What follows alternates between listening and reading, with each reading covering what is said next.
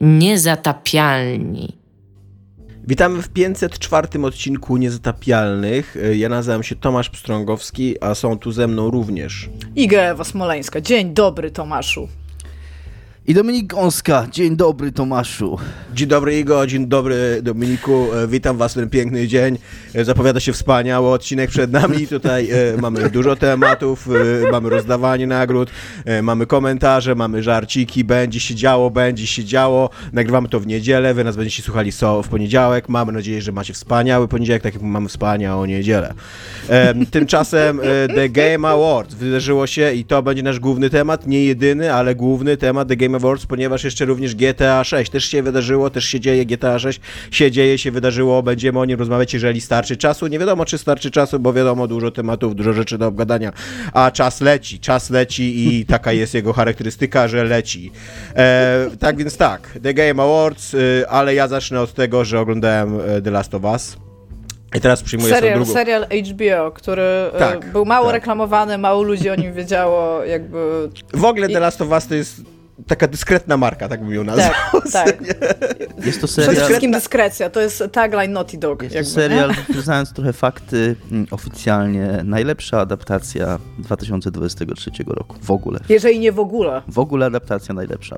Po prostu w Tak. ogóle. y, ja bym jeszcze w ogóle do, do, do dyskretna marka bym jeszcze dostał, dodał subtelna. Jakby. To są dwie, O, dwie, też, dwa przymiotniki, które, które charakteryzują The Last of Us. Ale to ja mam e, pytanie, czy w takim razie, bo ja nie oglądałam The Last of Us, bo było zbyt hyped i właśnie przez to, jak Właśnie ja też dlatego nie. Dlatego Czy, dopiero czy to już umarło? Czy hype już umarł, czy ja już mogę obejrzeć The Last of Us? To jest moje pytanie, Tomaszu, Znaczy- do ciebie. mówię. No ja już, y, ja już jakby na tyle zapomniałem o tym serialu, że jak mi tam wyskoczył na HBO, że tam polecają dla mnie, to stwierdziłem, okej, jakby Okej, już się o tym jest nie czas? gada wszędzie, Dobrze. tak, już, już mogę go sobie w spokoju obejrzeć i, i popisać sobie z kimś i, i, i jakby nie czytać w internecie cały czas na ten temat, e, więc dlatego obejrzałem The Last of Us.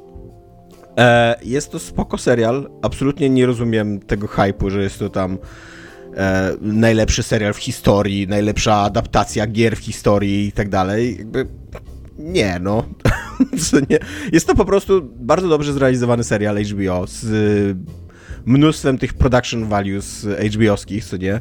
Jakby jest świetnie zagrany, y, ma bardzo dobrze nakręcony jest, jakby ma, ma, ma świetną ścieżkę dźwiękową, chociaż ja chyba dlatego, że za dużo grałem w The Last of Us, ale ja już jestem tak wyczulony na taki kicz takiej Amerykany, mm, tej, tej The Last of Us asowskiej, co nie takiej, że takie właśnie, oni jadą na koniu, taka otwarta przestrzeń, tam las przed nimi, gitarka gra, co nie, i tak, i ile można, to jest, to jest po prostu na każdym kroku w The Last of Us, nie na każdym kroku, gdzie tylko można wcisnąć taką scenę, właśnie taką, te takie brzdąkanie gitarkowe i takie, o patrzcie, jaka ta dzika Ameryka tutaj po, po, po apokalipsie, jak tam drzewka Czy rosną. możesz powiedzieć, że w pewnym sensie symbolizuje to, że po upadku cywilizacji odradza się natura? Tak, tak, mogę, Taka myśl może za tym stoi. Mogę, mogę tak powiedzieć, natomiast, natomiast czego uczy nas The Last of Us, czego w ogóle nas uczy postapokalipsa, to ta natura nigdy nie odradza się na tyle, żeby nie można było zerzeć drugiego człowieka.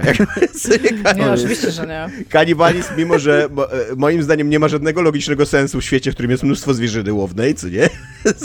To nadal jest, jest trendującym zjawiskiem w postapokalipsie. Tak, ja nie będę się tu wypowiadał, bo ja ten serial oglądałem, kiedy on wyszedł, więc tylko ewentualnie tam dorzucę parę słów, bo nie, nie chcę swojej opinii wyrażać, bo ja go nie skończyłem. A przestałem O, go to oglądać. Ja go przestałem Że- oglądać po odcinku właśnie z kanibalizmem, który. Właśnie ty, to jest w ogóle radykalna decyzja, Dominik, bo to jest przedostatni odcinek. Jakby został tylko jeden. Nie, dwa wydaje mi się. Wydaje mi się, że. Nie. Okej. Ale mnie ten, mnie ten odcinek z kanibalizmem miałem takie. Serio? I to jeszcze nawet nie chodzi o samą tematykę tego, że ludzie się jedzą, jak, jak mm, cywilizacja upadła, ale też ten odcinek jest na, tak stereotypowy, tak, y, na takim po prostu mm, najniższym poziomie realizacji tego pomysłu. Tam nie ma nic zaskakującego. Tam przychodzisz, wiesz, trafiają oni do, ten Joel z tą Ellie, tak Ellie, dobrze pamiętam? Tak. trafiają do jakiejś tam osady i tam nagle widzisz, że ludzie sobie szczęśliwie żyją i jedzą jedzonko i mają dużo zapasów i tam co tu się może dziać nie tak, nie? A nazywa się Tannibal Town? Znaczy, Tannibal Town? Już ci oddaję głos, Tomku, tak tylko chciałem. E, nie, więc tak, jakby, znaczy ja, ja, ja się absolutnie z tobą zgadzam, nie? Ten, ten odcinek e, z kanibalami jest słaby, jakby w ogóle The Last of Us jest strasznie słaby w momencie, kiedy sięga po takie straszliwie zgrane już w 2020 roku, czy tam 23, czy kiedy wyszła pierwsza część, 19, nie, jakiś 16, 15, coś takiego, 13. Już nie pamiętają, No to- wiesz? Już... 13 Tak. wiek. Możesz mówić o którymś z Dobrze. remake'ów. Dobrze, że zrobili tak, cztery remake, remake w międzyczasie. Więc jakby już jak wychodziło pierwsze The Last of Us, to, to, ten, to te, te klisze były straszliwie zgrane, co nie? I tam jak już się pojawił ten kanibalizm, to już byłem nim zmęczony. A jeszcze później w The Last of Us 2 jeszcze są po prostu oczywiście te, te taki, tacy rajderzy, co utrzymują niewolników i wiesz, i tam porywają ludzi i trzymają ich i tak dalej. I to też jest taki, że ja pierdzielę. I jeszcze oczywiście trzymają też zombie, które nie jest zombie, który jest zakażonym. Trzymają zombie na łańcuchach i ciekawe, co się stanie. Jakby, ciekawe, co tu się wydarzy, co nie? Jak, jak trzymasz śmiertelnie niebezpieczne tam e, stworzenie, które rozsiewa zarazę e, na łańcuchu po to, żeby się z nim drażnić, no jakby ciekawe, w stronę, w którą stronę to pójdzie, znając te wszystkie historie? Totalnie w dwójce to idzie w tą stronę, co nie? Więc, e, no tak, jakby ogólnie ja się dobrze bawiłem, jakby nie, nie chcę jakoś psioczyć na ten serial. Uważam, że to jest dobry serial. Czy ten odcinek, wiesz o którym mówię, to jest naprawdę tak bardzo dobry odcinek? Nie, e, bo Nie? chodzi ci o trzeci odcinek, tak? O, o ten... O ten, o ten, przy którym ludzie płakali. Bo w są życiu dwa, przy są dwa odcinki, są dwa odcinki, przy których ludzie, ludzie płakali. To jest trzeci i chyba siódmy. E, oba są queerowe, oba opowiadają o romansach queerowych. Trzeci opowiada o gejowskim romansie, takim, znaczy nawet nie romansie, takim związku na całe życie e, gejowskim, e, pomiędzy takim survivalowcem, który właśnie przeżył apokalipsę i się świetnie urządził po apokalipsie, a, a facetem, którego tam znajduje we, w swoich wnykach. A siódmy odcinek to jest z kolei adaptacja tego DLC do The Last of Us pierwszego, gdzie Ellie poznaje tą swoją pierwszą sympatię Riley e, i, i, I to się opowiadają dowcipy z książki. opowiadają dowcipy książki, O, a później to się kończy tragicznie, co nie? Jakby one tam sobie Tak. wyznają uczucie, a później oczywiście tam wszystko idzie, idzie, idzie w piekło. E, Go to hell to nie, nie da się chyba tego E, przetłumaczyć na tak polski. Ale jakby jest to zrozumiałe, na- nawet bez... Piekło nie jest niczym dobrym, tak? tak, tak. E, więc nie, jakby to są, to są dobre odcinki. Cały ten serial jakby jest na dobrym poziomie i, i fajnie się go ogląda, jest świetnie zrealizowany, tak jak mówię. Natomiast na przykład ten odcinek... Mm, e, ten odcinek z Billem i nie pamiętam jak się nazywa ten drugi. E, y, ten odcinek właśnie z tym takim, z takim całym takim romansem roz, roz, rozciągniętym na tam ponad 20 lat, bo oni się spotykają tuż po, tuż po apokalipsie, tuż po tym upadku cywilizacji, na, zamieszkują razem i właśnie prowadzą takie, no takie taki prawdziwy, dojrzały, miłosny związek w, no, w czasach, które absolutnie temu nie sprzyjają, nie? Tam w ogóle leci przy okazji też najlepszy, najlepszy mo- żart w, tym, w, tej, w tej grze, znaczy nie w tej grze, w tym serialu, bo właśnie Bill jest survivalowcem i, i ten jego ukochany mu, mu zarzuca w pewnym momencie, że przecież ty masz jakieś popieprzone poglądy, co nie, że co mi jeszcze powiesz, że rząd to są faszyści, a on już po tej apokalipsie, przecież rząd to są faszyści, co nie? On mówi, ale wtedy nie byli. I to jest, tylko że to jest taki odcinek, który moim zdaniem nie jest wybitną historią miłosną, jakby, bo on chyba za to był tak chwalony właśnie, że był takim, Ja wiem, że ludzie płakali po raz pierwszy w życiu. no właśnie, nie wiem, no. Jakby to, to, to, on ma bardzo hollywoodzkie podejście do miłości, do, miło, do, do, do sw- związku jako takiego właśnie mm, pięknego ciągu ładnych scen, co nie? Jakby, że takich przełomowych momentów, no, bo on skacze po, od, z roku no, do jeżeli roku, mówisz, że to tak? jest 20 lat, to tak, to Tak. nie mam, że musieli trochę I, no ale właśnie oni niektórych nigdy rzeczy. nie pokazują ich takiego prawdziwego życia, takiej prawdziwej codzienności, co nie? Na końcu nawet jak właśnie, jak, jak jeden z nich mówi, że mieliśmy dużo złych momentów, ale też kilka dobrych i on chce jakby zapamiętać te dobre, co nie? To tak się zastanawiasz, nie pokazaliście nam w ogóle tych złych momentów, nie pokazaliście nam w ogóle takiej takiej prozy związku, co nie? Takiej, takiej, takiego chleba prawdziwej miłości, co nie? Tylko, tylko właśnie pokazaliście taką hollywoodzką kalkę miłości, taką, że się spotykacie, że się zakochujecie, że jest taki wybuch, później układacie sobie życie, później coś się dzieje i, i wiecie, i scenariusz się kończy, bo wszystko zmierza w, w takim kierunku, a nie innym, nie? Więc nie, ja nie uważam, że to jest super odcinek. Okej. Ten, ten drugi odcinek, ten, ten ym, z Ellie i Riley jest, jest ciekawszy, ale on z kolei jest dużo mniej jakby taki... Yy, on, on ma bardzo duży sens jakby taki fabularny, co nie? On jest bardzo umieszczony w kontekście wszystkich wydarzeń yy, i nie, nie jest tak jak właśnie historia yy, tych dwóch facetów takim jakby taką oddzielną miniaturką, co nie? Dominik? Ja tylko jeszcze chciałem dodać, że wydaje mi się, że duża część i też to jest akurat fajna decyzja. Uważam, że to jest taka sprytna meta trochę decyzja twórców tego odcinka i tego serialu jest obsadzenie w roli Billa Nika Offermana, czyli aktora znanego z Parks and Recs, który grał tam Rona Swansona, który jest taką stereotypową, takim stereotypowym mężczyzną z krwi i kości, więc jakby jest to taki casting trochę naprzeciw oczekiwań, znaczy przeciw, jakby nie oczekujesz tego i jest to bardzo jakby tak meta ciekawe. Tak, sam i, ten i... aktor też ma taki fęk, że on jeździ i właśnie tak, strasznie... Tak. I kiedy się wypowiada o mężczyznach, to bardzo zwraca uwagę na taką emocjonalną część ogólnie męskości i, I to jest, tego, że powinniśmy o siebie dbać i whatever. Ta no. postać i, i jest, jest bardzo też jakby gra na takim, na, na, na czymś takim, bo to jest taki, to jest taki właśnie prawdziwy survivalo, e, survivalowiec, taki preppers, co niektóry tam ma własną piwnicę, mnóstwo broni, tam ma tą flagę don't tread on me, co nie i tak dalej. E, jest jakby takim bardzo zamkniętym w sobie gejem, który represjonuje to swoje gejostwo i tak naprawdę jakby dopiero jak spotyka tego Franka, tego swojego ukochanego, to, to otwiera się jakby na, na, na, na miłość w swoim życiu i na jakąś bliskość z drugim człowiekiem, nie? Więc jakby tak, ja tam, ja widzę, to jest, to jest ciekawe, co nie? Jakby to jest dobry odcinek, ale absolutnie się nie zgadzam, że to jest jakby jakieś, jakieś arcydzieło czy coś, co nie? Nawet jeżeli, nawet jeżeli chodzi właśnie o jakieś takie, o, jakąś taką... Um, queerową historię miłosną, która pokazuje taką naprawdę, jak, jak, jak wygląda właśnie taka codzienność związku, co nie? No to Życie Adele dla mnie jest dużo lepszym, dużo lepszym filmem, co nie? Który, który pokazuje też takie, nie wiem, okrutne momenty, co nie, takie nieładne, co nie, takie, wiesz, mm. że, mhm. ludzie, że ludzie się tak krzywdzą, że tam, że już tam płaczą tak, że im smarki lecą i, i w ogóle ledwo trzymają się kupy i tak dalej, no i tak to też jest miłość, tak też wygląda związek dor dorosłych ludzi, a nie właśnie tylko takie takie plot pointy, po prostu, że tu, tu, tu, tu, o i ładnie, no, punkt kulminacyjny mamy i lecimy, kurwa, do zakończenia, co nie, i odhaczone? Więc jakby ja, ja, o tym odcinku mam bardzo takie, no, że taki jest powierzchowny, koniec końców, co nie?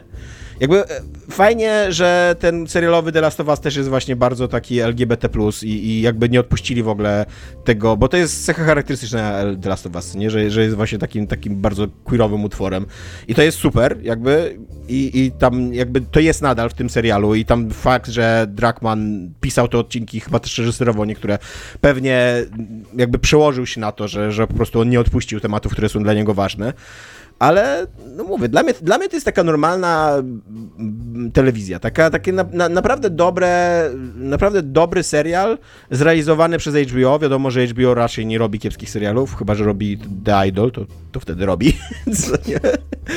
ale, ale nie, absolutnie nie, nie czuję, nie rozumiem. Yy tego, tego zachwytu, który szedł, tego, że tam właśnie, bo tak jak ty mówisz, Igas, nie? że tam ludzie mówili, że to jest autentycznie najlepszy kawałek telewizji w historii, co nie?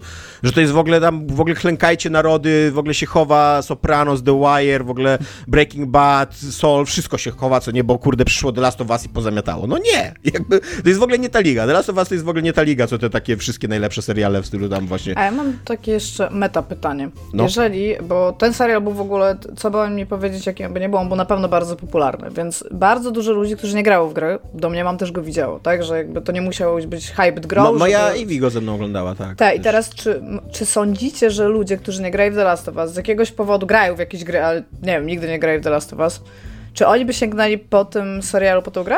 No właśnie, e, bardzo dobrze, że zadajesz to pytanie, bo miałem jeszcze przemyślenie na ten temat. Okay. Że to... wydaje mi się, że nie. Eee, I to jest z dwóch powodów. Przede wszystkim ten serial sprzedaje nieco inne emocje niż sprzedaje gra, nie? Ten serial na przykład nie jest tak brutalny jak gra. Co z jednej strony dobrze, bo gry są absurdalnie brutalne i The Last of Us też jest no, absurdalnie... The Last of Us to jest tak. już tak... E, jest absurdalnie brutalny, jest takim w ogóle takim, naprawdę takim porno przemocy, co nie? Takie miejscami, Jakby te wszystkie finishery i tam Joel rozrywanie w... ludzi na strzępy. Jakby Joel w serialu zabijał tylu ludzi, ile tak. się zabija w grze, to to nawet nie byłoby niesmaczne, to by było jakieś takie kurna karykaturalne wręcz, już takie... Nie, no wiesz, jak jeszcze masz drugą część, która ci mówi o tym, że przemoc jest zła i rozwiązujesz to wszystko przemocą i to nawet nie jest ironiczne, w sensie oni nie zauważyli tego, co zrobili chyba. Jakby no, tak, jakby, jakby rozumiem, że najprawdopodobniej serial nie jest utrzymany jakby w, tej sam, w, w tych samych tonach, no bo tak, no. Jakby... Natomiast to moim zdaniem działa też trochę na niekorzyść serialu, bo Joel jest jakby skłonny do skrajnej przemocy, co nie? Jest, jest bardzo brutalnym człowiekiem, którego całe życie jakby po, po wybuchu tej, tej epidemii, całe jego życie ukształtowało go na takiego człowieka, że tam ludzie, którzy się go znają, się go autentycznie boją, co nie? Jakby są przerażeni tym, do czego on jest zdolny, nie? I to w grze wybrzmiewa paradoksalnie właśnie przez to, że ty widzisz, jak on zabija setki ludzi, nie? A w, grze, a w serialu to nie wybrzmiewa. W serialu jak, jak na przykład Marlin mówi, co nie, że tam właśnie tak odnosi się z taką, e, z takim strachem, estymą do Joela, co nie, że tam, że mówi w pewnym momencie, że ze wszystkich ludzi na świecie, wobec których nie chciałbym mieć długu, ty jesteś i tym pierwszym, jak pierwszy na liście, co nie, że wobec ciebie najbardziej nie chciałbym mieć długo, a teraz mam wobec ciebie dług, nie? To, to, to, to, tak nie do końca rozumiesz dlaczego, bo ty widzisz tego Joela jako takiego, no, spoko typa, no, robi brzydkie rzeczy, ale taki jest świat, co nie? Ale jakby nie, nie, nie, masz, nie masz na ekranie tych, tych setek mhm. morderstw, które masz w grze, co nie? Które sam własnymi rękami poczyniłeś w pierwszej części, więc już w ogóle... Tak, tak, dokładnie. E, a drugą, drugą, jaką mam myśl na temat właśnie tego przełożenia e, filmu na serial, to jest coś takiego, że ta gra, znaczy co ja mówię, film na serial, gry na serial, to mm. jest to, że ta gra była bardzo filmowa, nie? I ta adaptacja jest, nie chcę powiedzieć, że leniwa, ale ona jest bardzo prosta. To jest przełożenie praktycznie scena w scenę, ujęcie w ujęcie e, tego, co było w grze. Do, te, do tego stopnia, że właśnie jak tam jest finał e, tego odcinka z, kanibala, z kanibalem, i, i tam Eli z nim walczy, to i ona była ciekawa, jak to wygląda gameplayowo, jakby w którym momencie masz kontrolę nad, nad, nad, postacią, w którym nie, co się stanie, jak przegrasz i tak dalej, co nie. I e, odpaliłem po prostu Iwonie YouTube'ka z tą, z tą sekwencją i tam jest ujęcie w ujęcie, to jak kamera działa i tak dalej, co nie. Więc to, no nie wiem, nie, nie wiem, czy jest w ogóle sens grać w tą grę po obejrzeniu tego serialu. Ja właśnie... Jeżeli nie lubisz zabijać ludzi, jeżeli jakby ten sam gameplay taki akcyjny ci nie tak. sprawia wraż- satysfakcji, no to, to jest dokładnie ta sama historia. Jakby łącznie z tym, że właśnie kamera jest tak samo ustawiona, nie? No właśnie, ja trochę chciałem to samo powiedzieć, że ja wprawdzie tego, wprawdzie tego serialu nie skończyłem, ale jak zauważył Tomek, jednego odcinka mi tylko zabrakło, to ja miałem tu, jak właśnie Tomek odpowiadał na to pierwsze pytanie i się zacząłem zastanawiać, to totalnie to chciałem powiedzieć, wyjąłeś mi to z ust praktycznie, że ja miałem takie wrażenie, że jakby ktoś nawet zagrał w grę po tym serialu, to byłby rozczarowany, jak niewiele z tego wynosi. Równie dobrze mógłbyś, mogłabyś komuś, mógłbyś komuś dać Duma i po odcinku Last of Us sobie pół godziny postrzela w Dumie i tak. będzie mniej więcej takie doświadczenie, jakby grał w grę Last of Us teraz od nowa, bo te takie elementy fabularne, y, to co się z postaciami dzieje, to wszystko jest praktycznie jeden do jednego. Co swoją okay. drogą jest trochę odpowiedzią na to pytanie, które zadałaś Iga chyba ty. I Tomek też je zadaje. O taki status kultowości tego serialu, że wydaje mi się, że gracze mają dosyć niskie standardy z uzasadnionych powodów, jeżeli chodzi o adaptację gier. Więc samo to. W ogóle gracze mają dosyć niskie standardy, prawda. powiedziała. Tak. Samo to, że ten serial jest profesjonalnie zrealizowany i że nie gwałci gry aż do przesady, bo mm, adaptują. Nie, no przecież nie ma masek, nie? tak, ale y, to jakby już jest dużo, nie? Znaczy, a, a przy okazji ja nie rozumiem tej decyzji, że nie ma masek. Jakby uważam, że ona jest głupia. Tam nie ma dużo scen, w których oni by musieli nosić maski, bo też pamiętajmy w grze, że znaczy, i w ogóle chyba to tak działa, po prostu biologia tak działa, że te zarodniki grzybów nie roznoszą się jakoś nie wiadomo jak, tylko są jakby, jest ich duże natężenie w okolicy tych grzybów, co nie? Więc, a tam w ogóle I jest niewiele musi scen. być pomieszczenie zamknięte. Tak, no właśnie, tam w, ogóle, tam w ogóle jest niewiele scen z tymi grzybami, więc jakby oni naprawdę musieli założyć te maski tam na, na te kilka, cztery czy pięć scen, które są przez 9 godzin tego serialu, to by nie, był, nie, nie była żadna, żadna ujma dla aktorstwa. Wręcz być może to by było ciekawe, bo tam mogliby zrobić zbliżenie na tą parującą taką, wiecie, szybkę i to by tak by sugerowali emocje postaci, jakiś strach i tak dalej, co nie? Więc wręcz widziałbym tu jakieś takie, takie szanse. Natomiast yy, trochę miałem szacunek zawsze dla, do, do The Last of Us, że tam epidemia yy, zombie miała sens, bo te zarodniki jakby mogą, jakby jest to sposób roznoszenia się choroby który trudno opanować, co nie? I to bombardowanie miast i tak dalej, no to były bardzo radykalne kroki, które jakoś tam miały logiczny sens. Natomiast tutaj, jak znowu wracają do tego ugryzienia, to to nie ma żadnego sensu. Jakby to, to jest najprostsza epidemia do opanowania ever w historii w ogóle epidemii. Ubrać się w jeansy od góry która się, tak, która się przenosi poprzez ugryzienie. To, to, to, to, nie ma sensu, że oni bombardowali te miasta. Absolutnie żadnego. To było, to było idiotyczne, po prostu to było ludobójstwo. Więc trochę, e, z jednej strony to jest pierdoła i oczywiście tam nie zmieniła mi żadnego odbioru, e, ale z drugiej strony myślę, że to, to jest głupie po prostu, że to jest taka niezrozumiała decyzja artystyczna dla mnie, że, że nie zdecydowali się właśnie na zarodniki i na... Czyli Tomasz Pstrągowski, recenzja Last of Us, to jest głupie. Tak, dokładnie to, to miało wybrzmieć. Każda nie historia... to, że to jest dobry, do, dobry serial taki do oglądania, być może nie za dużo w nosie, ale jakby jest dobrze zrealizowany i jakby jesteśmy w stanie hollywoodzko coś jeszcze raz przeżyć, jeżeli się lubi The Last of Us. Nie, nie, nie, głupie. To jest jedyne, co Natomiast ym, y, mam taką rozkminę przy tej okazji, że wydaje mi się, że właśnie w takiej, w takiej kategorii przyciągania graczy do gry, to a najlepszą adaptacją ostatnich czasów jest Cyberpunk Edge Runners, nie? Bo autentycznie to jest, y, to jest medium, anime i, i ten sposób, w jaki to oni opowiadali, jak tam sceny akcji były przedstawiane, jakie emo tam rozgrywane było, co nie?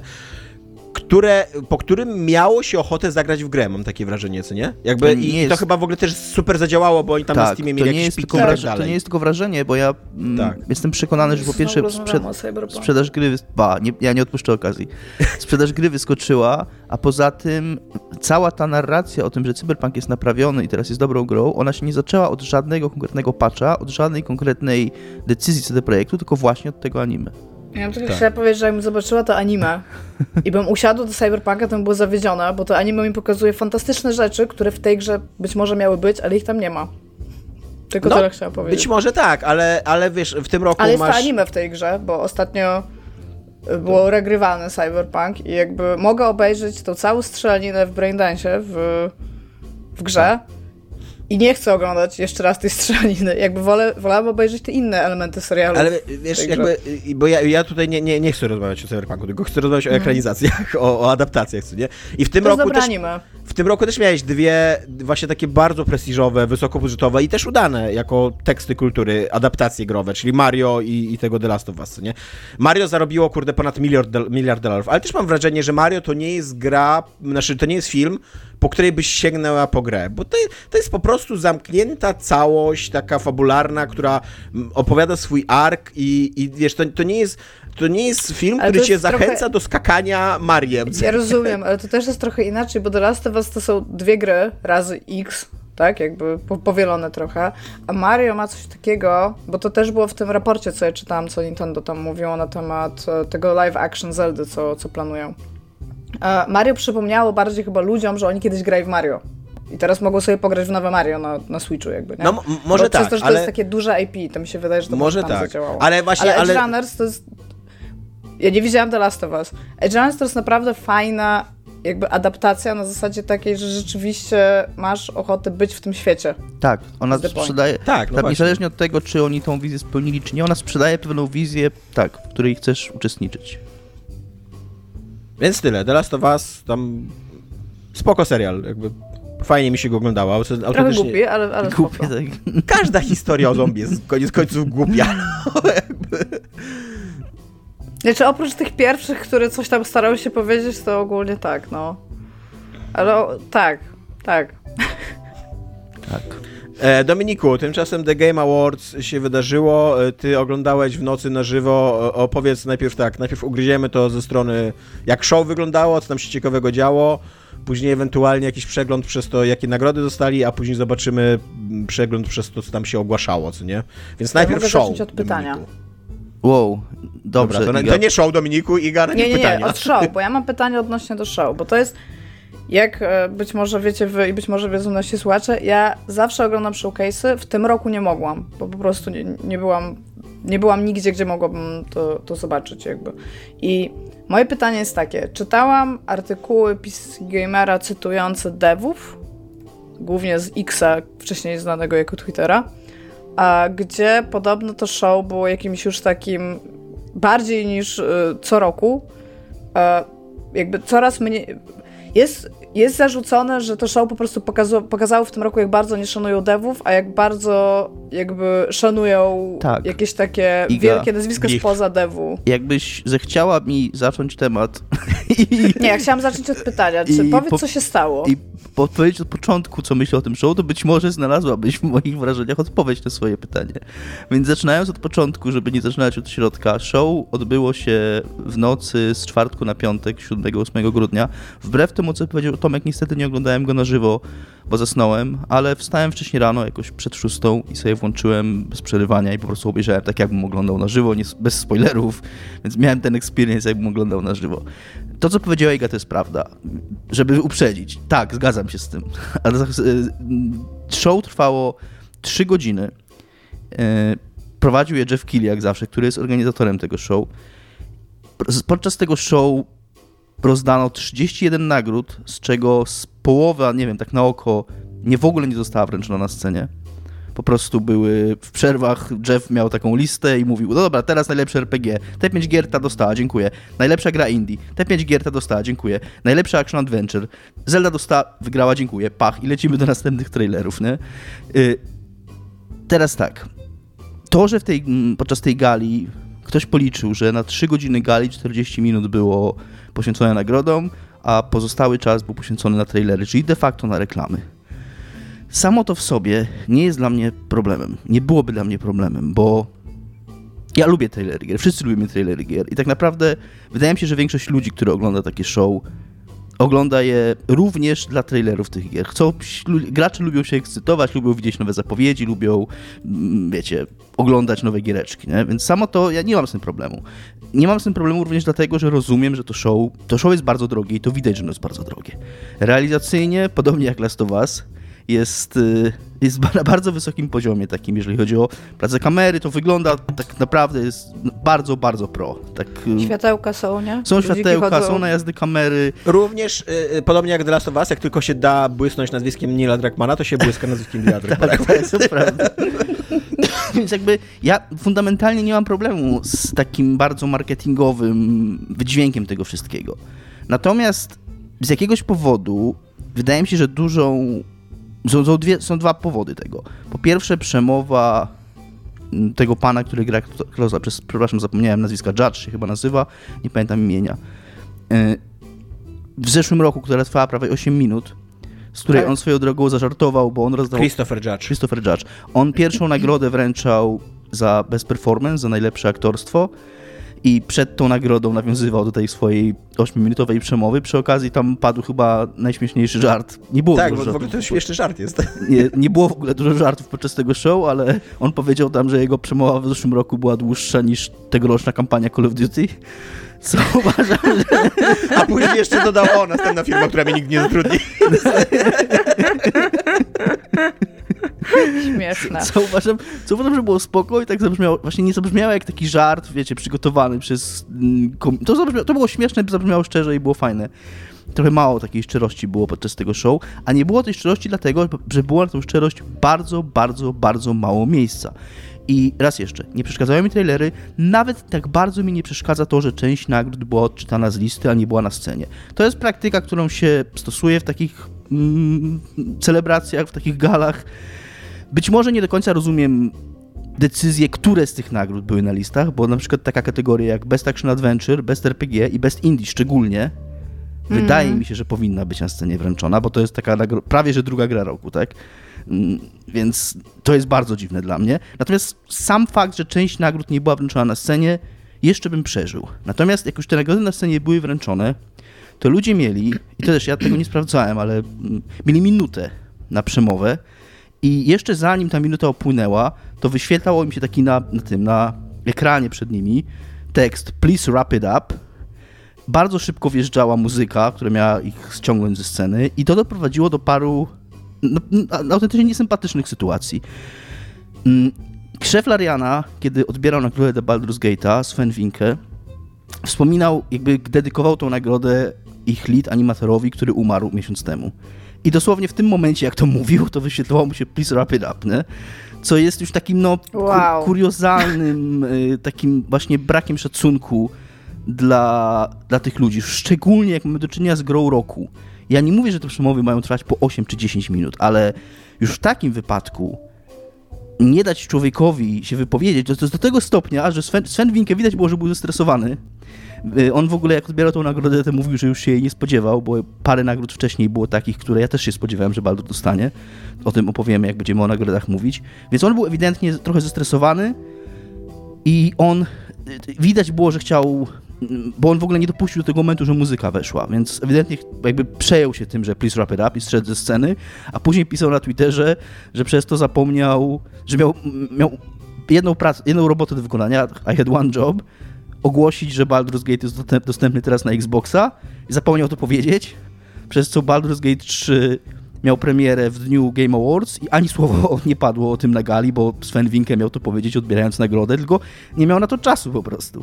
I takich sytuacji było naprawdę wiele. Ewidentnie ci ludzie bardzo, oni, mówię, nie mieli czasu na takie podstawowe podziękowanie, nie jakieś takie, wiecie, super rozbuchane, żeby nie wiadomo co, ale podziękować paru osobom, po, po, powiedzieć dwa zdania o, o jakimś procesie twórczym, o, za co są No najbardziej kurde, wdzięczni. uśmiechnąć i zaczerwienić Dokładnie, moment, dokładnie. Tak? A to było takie strasznie, taka taśma montażowa. Takie wejść, powiedzieć dwa zdania, dosłownie trzy i schodzić i następny. Co jeszcze przy tej ostatniej nagrodzie, która była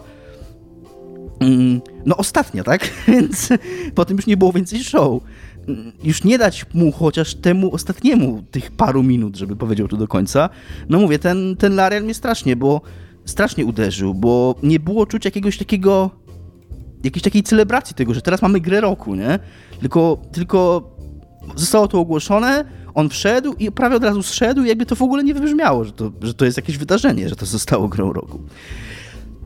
Co do braku szacunku do medium, ja, mm, świat ogólnie jako no świat cały tak naprawdę. Jako miejsce. Jako miejsce, jako populacja 8 miliardów, czyli teraz mamy, wie, że ja z Igą nie do końca się zgadzam, jeżeli chodzi o y, rolę hollywoodzkich aktorów, czy aktorów, czy w ogóle twarzy w przemyśle gier wideo. Jakby nie przeszkadza mi to. Natomiast jest parę takich miejsc, w których to też było bardzo, bardzo dziwne. Ostatnią nagrodę wręczał Timothy Chalamet, który nie ma z grami wideo wspólnego kompletnie nic. Jakby nawet nie użyczył swojej twarzy, nie użyczył swojego głosu żadnej grze. Wiesz, taki Keanu, czy taki, tam był też ten typ od Get Out, y, reżyser z kolei, Tomek zaraz mi wygoogla, który ma, teraz będzie nad grą z Kojimą pracował. Jakby to, że tacy ludzie się pojawiają, to ma przynajmniej sens o tyle. A, Jo- Peele. Jordan Peele? Coś takiego? Tak, Jordan Peele, Tak, tak. no. Mm, to jakby to ma sens o tyle, że oni przynajmniej jakoś mm, coś robią w tym medium, nie? Timothy Chalamet był tam tylko i wyłącznie po to i tutaj muszę przyznać, był drugi w miarę śmieszny żart, bo jak Jeff Keighley mówił, go zapowiadał, to mówi, że teraz nagrodę wręczy YouTuber Model Controller 360, bo Timothy Chalamet, musiałem to wygooglać oczywiście, i on to przyznał, to są trzy filmiki na YouTubie, on miał jakieś po 12 lat i jako YouTuber Model Controller 360 pokazywał tam swoje malowanka do kontrolerów do Xboxa i je sprzedawał za 10 dolarów, nie? Więc jakby to był dosyć śmieszny żart, ale gdyby ten Timothy Chalamet miał jakąkolwiek inną jakikolwiek inny powód, żeby być na tej scenie, poza tym, że to jest śmieszny żart, że był youtuberem, jak miał 12 lat, to, to no nie wiem, nie rozumiem tego, dlaczego to on wręczał tą nagrodę. Jakby to nie ma kompletnie żadnego sensu. Więc tu, w, w tym miejscu to było ewidentnie widać, że on był totalnie z dupy na tej, na tej scenie. Y, Więc być może to odpowiada na twoje pytanie. Co mi się, znaczy mam nadzieję, że to odpowiada na twoje pytanie. Co mi się podobało? Poza tymi wszystkimi rzeczami, które mi się nie podobały, podobało mi się super to, że ten kawałek z Lana Wake'a został wykonany. Na ile on został wykonany na żywo, nie wiem do końca. Jestem prawie przekonany, że wokalista of the Fall śpiewał go na żywo, bo to słychać, bo było słychać niedoskonałości w wokalu. Być może Matthew Poreta i ten pan, który grał Rina Dora, niestety nie pamiętam. Oni mają takie trochę mówione sekcje. Ten Matthew Poreta ma w ogóle doświadczenie z Broadwayu, więc on chyba też wykonywał to na żywo. Muzyka raczej nie, bo ja gadałem trochę z Patrykiem Fiałkowskim, on jest moim autorytetem, bo grał w zespole kiedyś. Powiedział mi, że no, że raczej na takich eventach no nie bardzo jest to możliwe, nie? żeby taka muzyka była na żywo, więc, ale tak czy inaczej samo wykonanie, to, że oni byli na scenie, tańczyli, był e, Sam Lake tam tańczył. To, że takie... Sam Lake do niej dołączył, właśnie tak, szanuję to. to był super moment, to było takie fajne, miało to energię i jakby to miało też sens, tak, bo też często jak macie jakiś numer muzyczny w trakcie takiego show, jakby dlaczego on jest w tym show, tak, to ewidentnie miał sens, to jest konkretny moment z gry, fabularny, więc to mi się podobało, to mi się chyba najbardziej podobało tak naprawdę. Yy, I to chyba tyle. Nie wiem, czy wy ma jakieś, macie jakieś przemyślenia, jeżeli chodzi o samo show? Nie, wiesz co, nie, ja oglądałem tylko podsumowania, tak naprawdę, więc yy, nie, no jakby tak sobie teraz sprawdzałem, że ty mówisz, że oni mieli minutę na przemówienie, co nie? Na Oscarach ma się 45 sekund z takim założeniem, że ludzie to przekraczają, więc też mają mniej więcej minutę, a pewnie trochę więcej niż minutę. I to jest moim zdaniem trochę absurdalne, że jakby Oscary to jest 7 lig wyżej, co niż The Game Awards. Jakby możemy tym ludziom w giereczkach dać pogadać trochę dłużej niż tą minutę. e, więc zwłaszcza, że to są często ludzie dużo mniej medialni, dużo mniej obcykani z kamerą i właśnie z przemawianiem publicznym, niż tam aktorzy, którzy odbierają na Oscarach e, nagrody, albo scenarzyści, którzy piszą i tak dalej, co nie? Tutaj, tutaj często po prostu dewowie odbierają te nagrody. Więc tak, więc ta minuta i tak jak jeszcze mówisz, że, że jak, jakieś takie podziękowania dla kogoś, kto zmarł, i tak później myślisz, że oni mu ucięli tą przemowę, dlatego że właśnie, że de facto musieli reklamy, co nie, tak. emitować. No to tak, to jest, to jest niesmaczne, co nie? To jest takie... Jest jeszcze, jest jeszcze jeden powód. I był, mam jeszcze jedno e, przemyślenie, przepraszam. Przedziwny, za to ja, jak bardzo szanuję ten, ten występ z Alana Wake'a, uważam, że był śmieszny i tak dalej. Tak przedziwny był występ z Senuły. Tak. Jakby, co tam się działo, ja nie do końca rozumiem, co nie? Jakieś takie tribalowe, w ogóle przebieranki, jakieś takie ognie, w ogóle walenie w bębny i tak dalej. Już bym wolał, żeby ten zespół, który autentycznie wykonuje tę muzykę, po prostu ją wykonał tak, usiedli, wiesz, kameralnie, z instrumentami, zagrali to i bez tego samego teatrzyku, nie? Bo to było Zgadza przedziwne, się. kurde. A przy okazji ta muzyka, którą grali, to też było jakieś takie, kurna, nie wiem, jojczenie na jakichś fletach, czy coś takiego, nie wiem. Wow. Mało to było jakieś, jakieś takie, no nie wiem, nie, nie poczułem tego, po czym puszczono trailer tej gry w którym dokładnie ta sama muzyka była w tle, więc jakby też, też to był jeden z nielicznych fragmentów, tak jak mówię, ja chciałem to mieć taki experience oglądania tego na żywo, ale tu się przyznam, tak ja tak entuzjastycznie powiedziałem tak, jak Tomek wspomniał, bo zapomniałem o tym, to był jeden z bardzo nielicznych momentów, kiedy ja przewinąłem po prostu, bo miałem ten luksus, że mogłem przewinąć oglądając już rano, a mm, chciałem się tobie, bo tylko chciałem powiedzieć, że, że mam jeszcze jeden argument za tym, co ty mówiłeś, porównując do Oscarów, że jednak ludzie, którzy przemawiają na Oscarach, to są bardzo często aktorzy, a nawet jak to są reżyserzy, to są medialni reżyserzy, którzy mają rozpoznawalne twarze, których ludzie znają, których opinie ludzie znają, których życie ludzie znają, być może więcej niż powinni i się nim interesują. Natomiast dla wielu twórców gier pojawienie się tam na scenie to jest w ogóle jedyna okazja, żeby się pokazać tym ludziom, którzy grają no w gry. Jak powiedziałeś, że Indie nie, nie było dawane na scenie, to jakby wszyscy wiedzą, co to jest Larian, tak? Nie wszyscy wiedzą, co, jacy ludzie zrobili te gry, które są no, niżej budżetowo. Sea of Stars to, to jest grało, nie fair po prostu. Sabotaż Wiem, się nazywa studio. Tak, tak i więc... Y można przeprowadzić teraz akademicką dyskusję, że Larian to też studio indie jest.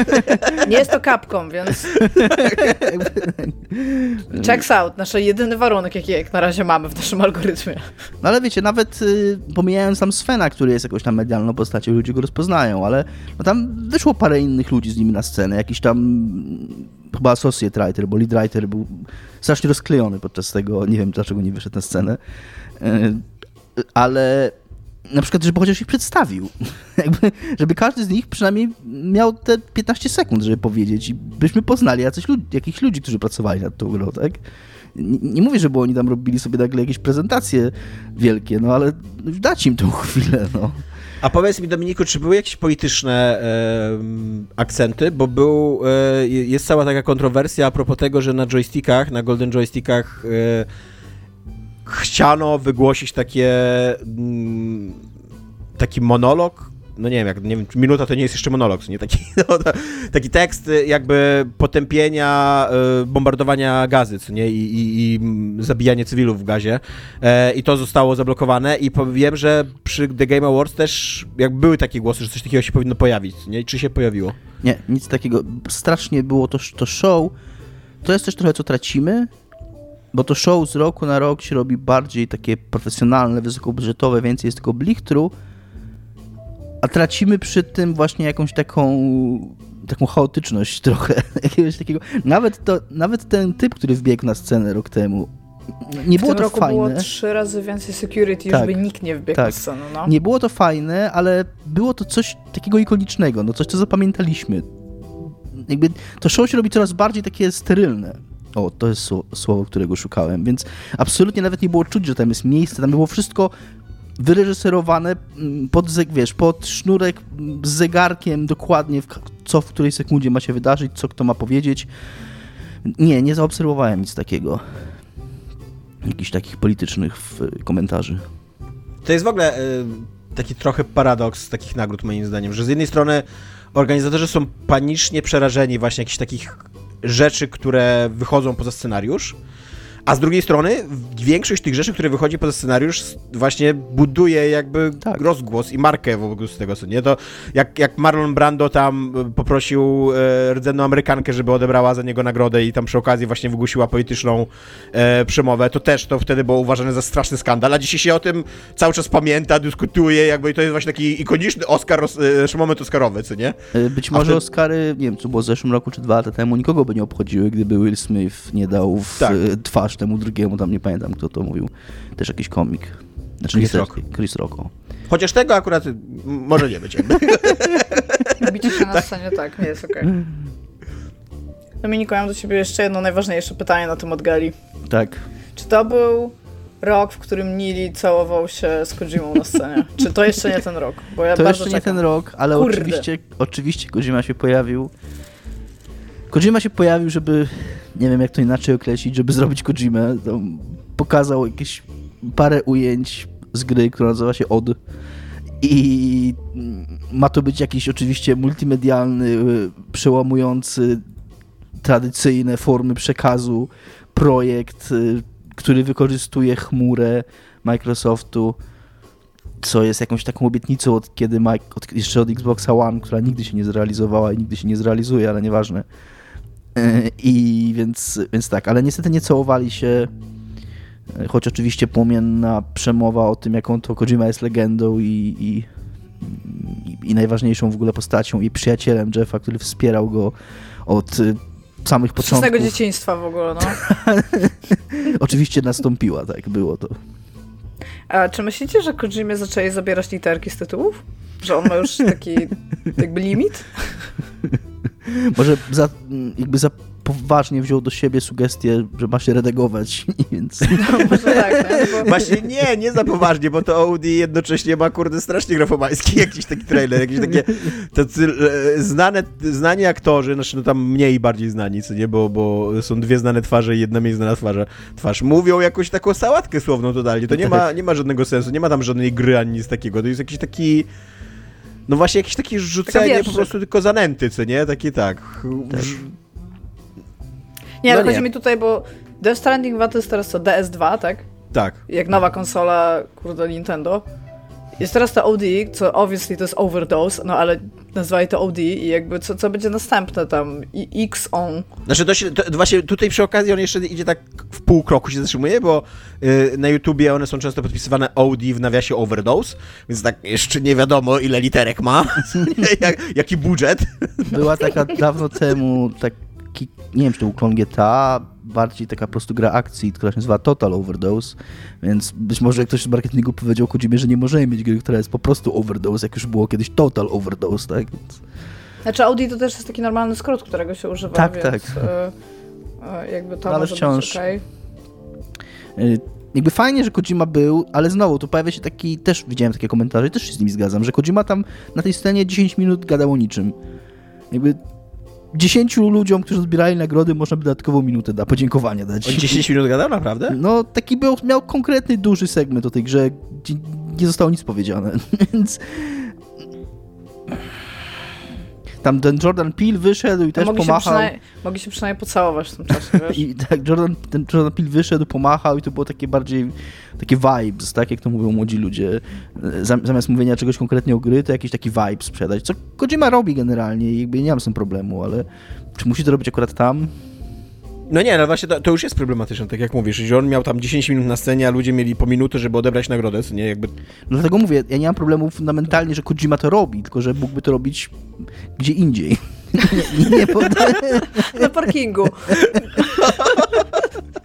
Jakby nie odbieram mu prawa, tak, do bycia Kojimą, tylko niech będzie Kojimą gdzieś indziej po prostu. E, no dobra, a skoro już ponarzekaliśmy, że to jest y, w dużej mierze show reklamowe, to jakie reklamy są najciekawsze dla nas? E, są na dwa segmenty, jakby był podzielony trochę ten show. Był Indie Showcase, który był poza anteną, po prostu w internecie można sobie było zobaczyć e, trailery indie, no i był też taki AAA showcase, który właśnie się działo w trakcie, e, w trakcie tego show. E, Iga, może od ciebie zaczniemy. Co cię tam najbardziej ruszyło, kręci? E, ja sobie tutaj wypisałam, od razu mówię dużo więcej niż powinnam wypisać. Ale może zacznę od takich, co napisałam dużymi literami w notesiku. Po pierwsze House House, studio odpowiedzialne za Untitled Goose Game.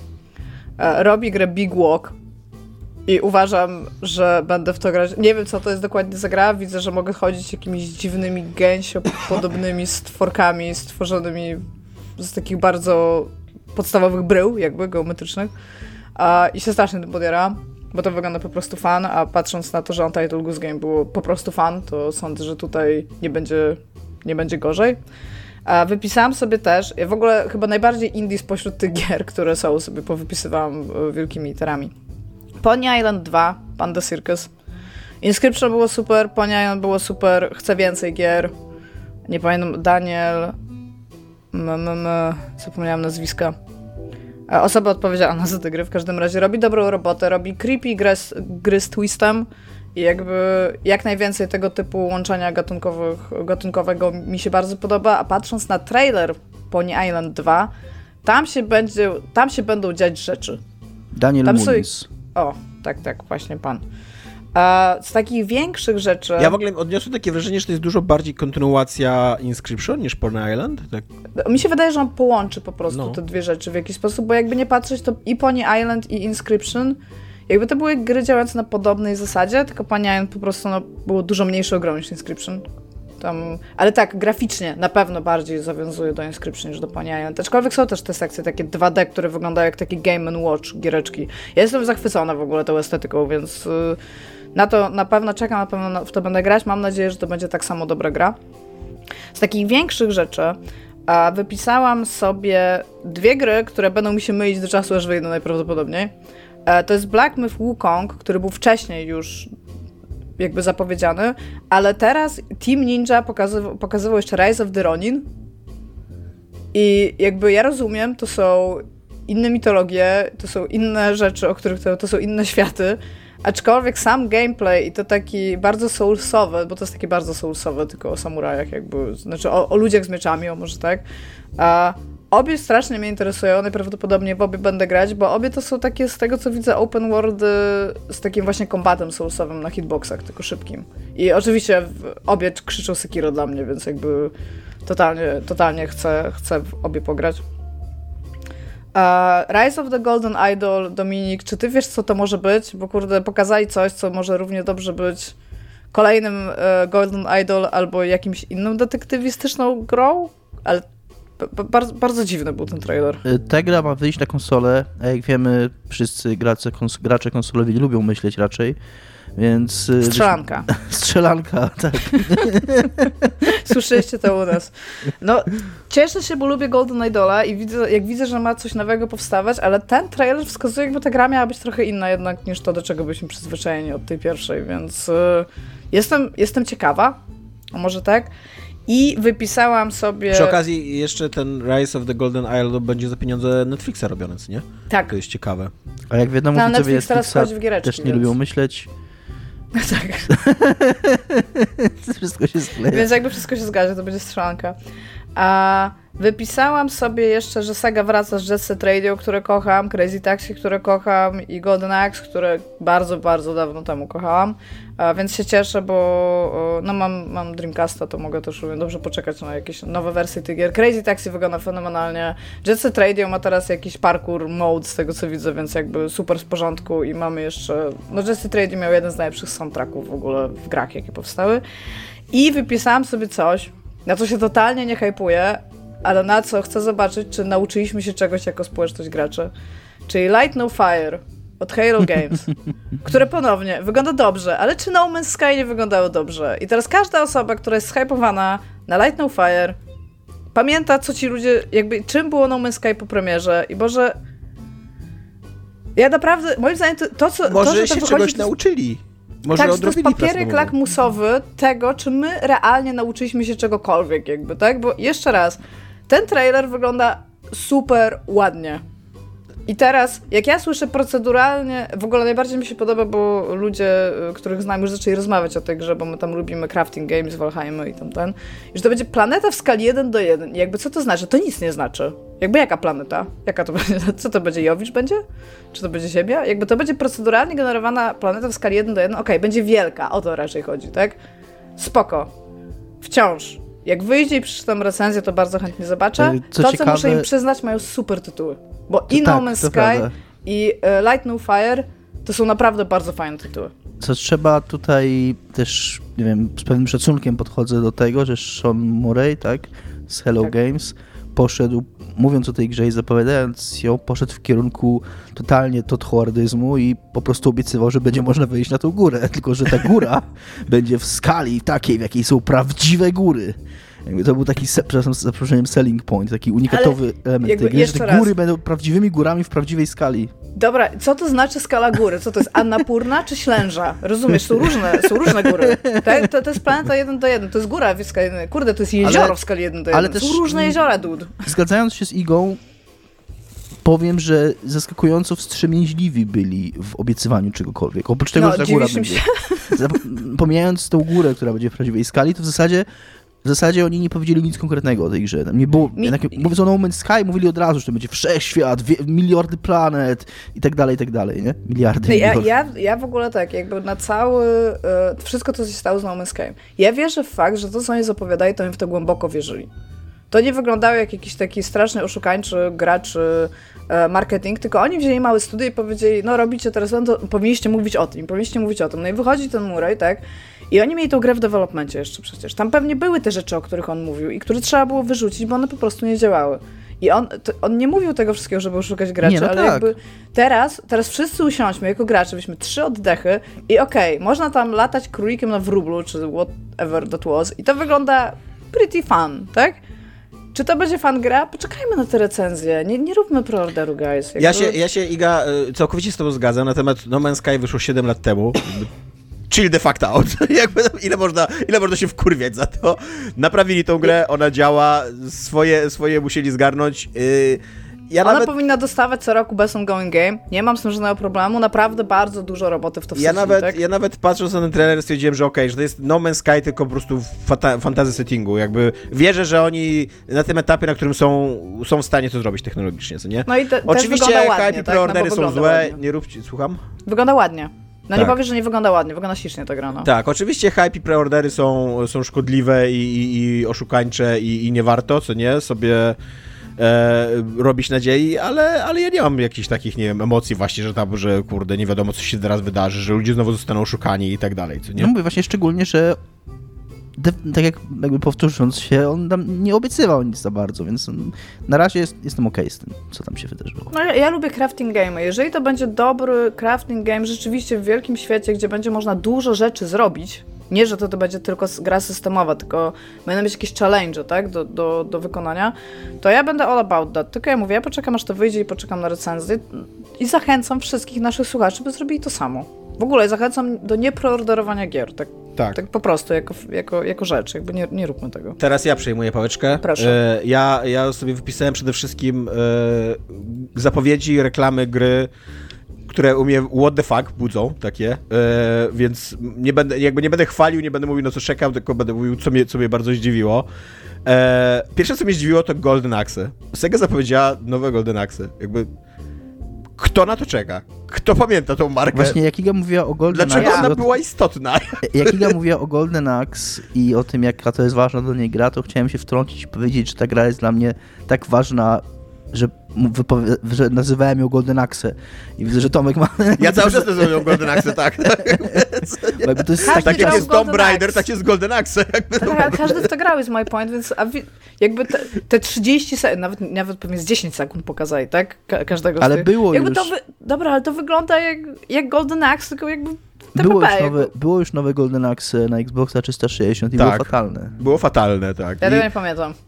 To mi Jakby abs- absolutnie nie jest to dla mnie marka, którą warto pielęgnować i powracać do niej i tak dalej. Ona miała swój moment. Ten moment przeminął, jakby, nie wiem, być może jest sens jakoś właśnie, nie wiem, wydać te gry, żeby były grywalne dzisiaj jeszcze, te stare, co nie? Ale żeby robić z tego nową produkcję, a, a, a nie wiem, ja, ja nie rozumiem, jakby, ja, ja grałem w te gry, ja jestem, wydaje mi się, trochę targetem ty, te, tego, tego zwiastunu, że, że tam mówią, że Golden Axe wyjdzie, ale nie, ale jakby w ogóle mnie to nie rusza, w ogóle nie budzi to we mnie żadnych emocji. w ogóle to, jest takie, e, skąd ten szkielet, nie, w waszej szafie, jakby tam, schowajcie go, on nie jest mi potrzebny. A nie wydaje wam się, że e, Saga po prostu stara się być e, e, e, w sensie teraz, żeby... Ej, pamiętacie, że mamy coś... E, jak graliście w Maria, to może graliście też w Golden Axe? Przepraszam, Golden Axe. Mi się wydaje to, wiesz co, bo Sega anulowała ten swój najdroższy projekt w historii, co nie, Tak. tak. Hienas.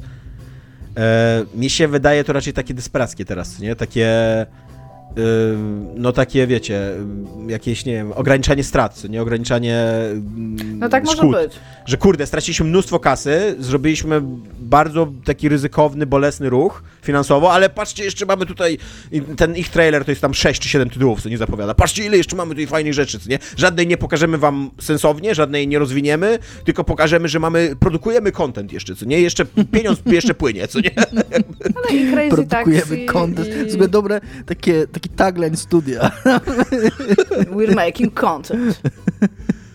Druga gra, na którą absolutnie nikt nie czekał, chociaż też ją lubiłem, to jest Brothers, A Story of Two Souls. tak. Jakby był taki moment, że takie indie gierki jakby miały swoje miejsce i, i były ciekawe i tak dalej. Wydaje mi się, że dzisiaj na tym w tym krajobrazie jakby indie jesteśmy już znacznie dalej, eksperymenty już poszły o wiele dalej i historię o wiele ciekawiej opowiadamy. Ta gra już w ogóle nie będzie dzisiaj eksperymentalna, a nie nowatorska, nie? Jeżeli to będzie Szczególnie, że taki... w nią się musi w miarę okej grać teraz. To nie była jakaś taka Tak, nie wiadomo jaka gra. Chociaż nie wiem, wiesz co, wydaje mi się, że takie średnio budżetowe indie z Xboxa 360 mogły się niedobrze zestarzeć technologicznie. Znaczy ja tak, tak szczerze to ja nie za bardzo lubiłam tą grę. Znaczy, wiem, że wyszła ten, ale no też mało chyba pamiętam takiego minute to minute gameplay, tak? Pamię- Właśnie też mi się wydaje, że ona nie miała jakiejś, ona, ona miała swój moment, ale ona nie miała jakiejś takiej wiernej fanbazy, która tam przez dekady, kurde, żyła i wiesz, i podaje sobie tą grę cały czas i ro, rozmyśla o niej i tak dalej. Nie to Ta gra wyszła tak dawno temu, że Pani Arcade jeszcze było śmieszne. Bo oni zrobili śmieszny komiks o tym, to pamiętam. To było bardzo dawno temu. Ludzie od tej gry i Joseph Faris, tak, zrobili później dużo bardziej taką pamiętaną grę i, i głośną, czyli Takes Two, która już, już bardziej jakby zapowiedzieli Takes Two, tu. To byłoby to, Tekstu tu. to byłoby to jakoś tam... I e, tekstu to jest super gra. To jest, nawra- to jest rewelacyjna gra. E, trzeci what the fuck dla mnie to był trailer e, Saber Interactive e, Jurassic Parku. I to jest takie coś, że okej, jakby rozumiem, że robicie grę na podstawie mega drogiej i fajnej licencji i, i, i tak dalej. Natomiast wydaje mi się, że moglibyście pokazać coś innego niż po prostu sceny i ujęcia ukradzione z pierwszego filmu Spielberga. Ona cytuje po prostu pierwszy, pierwszy Jurassic Park tak scena po scenie, co nie? Najpierw ukrywanie się w kuchni. I to jest, to są nawet właśnie, jak ukrywasz się przed dinozaurem w kuchni, no to na, chociażby mogli w jakimś innym pomieszczeniu się ukrywać. jak, jak machasz tym, ty, ty, tą, tym flashem, co nie, przed tyranozaurem, to też to mogłeś, to jakoś inaczej zorganizować, co nie? Jakby tak, chociaż jakieś takie delikatne różnice zrobić, a, a nie tak właśnie takie, takie cytaty, takie... No nie wiem, bardzo mi się wydawało to leniwe i takie dziwne. Jakby pokażcie swój pomysł na grę, chyba że waszym pomysłem jest po prostu kopiowanie no, jednego z najsłynniejszych filmów w historii kina. Może Co- takie dostaje też wyznaczniki w IP, wiesz, że to ma być pierwszy film. Może tak. Może ja, tak, ja nie no wiem, ale- ja ich nie bronię, bo jakby ja nie, nie No jestem też taka- fanką na takim wielkim IP robionych To- gier, bo najczęściej to po prostu nie To by, było, to by było dziwne i ciekawe. Nie wiem, czy grywalizacja filmu po 30 latach to jest to, na co czekają fani marki. Jakby Jurassic, Jurassic Park, który jest dzisiaj Jurassic Worldem, przeszedł straszną ewolucję. Jakby stał się dzisiaj bardzo takim goofy komedią akcji, o właśnie o, z Chrisem Prattem nie one-linerami. sądzisz, że właśnie chodzi o to, że teraz ludzie odpowiedzialni za to IP zdają sobie sprawę z tego, że ich jakby najsilniejszym asetem wciąż w tym IP to jest ten pierwszy film, i że oni by chcieli, żeby te jakby rozszerzone uniwersum wzorowało się na tym pierwszym, a nie na tych najnowszych? Ja nie wiem, bo ja mam takie Może. przemyślenia po prostu odnośnie do tego, ale to, co ja mówię, to może być jakby...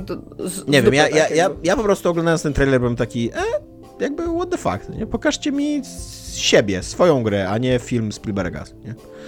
E, czwarty what the fuck to jest Skull Bones. Nikt nie wierzy wam, że ta gra wyjdzie, jakby. Da, Ale wyciekło już spokój. wcześniej, już wcześniej wyciekło, kiedy wyjdzie, w sensie data premiery. E, piąty what the fuck to jest Exodus.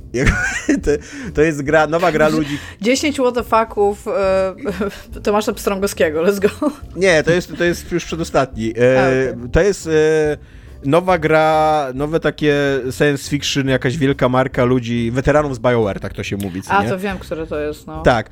I z w ogóle ja, ja, ja mam tam, jak się ogląda ten trailer, to tam jest ten taki myk, że jest dwoje bohaterów, kobieta i mężczyzna. I jed, mężczyzna chyba musi zacząć skakać tam, co nie, jakby z prędkością światła, przez co Żeby się będzie. odgonić Celestialsów. e, Tak, przez to się będzie, ale, ale, ale to co mówi, że przez to on się będzie wolniej stał, jakby wolniej będzie płynął dla niego czas, więc jak następnym razem spotka się z tą kobietą, to ona najprawdopodobniej będzie w zupełnie innym momencie życiowym, albo w ogóle jej nie będzie, co nie? I ja miałem takie, to jest ta jedna scena z Interstellar, co nie? I jeszcze Tak. zatrudniliście do niej Matthew McConaughey do tej gry. Co jeden, na podstawie tej jednej sceny chcecie zrobić całą grę, tak jest. Nie wiem, czy to szanuje, czy mnie to śmieszy, ale to jest przedziwne, kurde. Tak.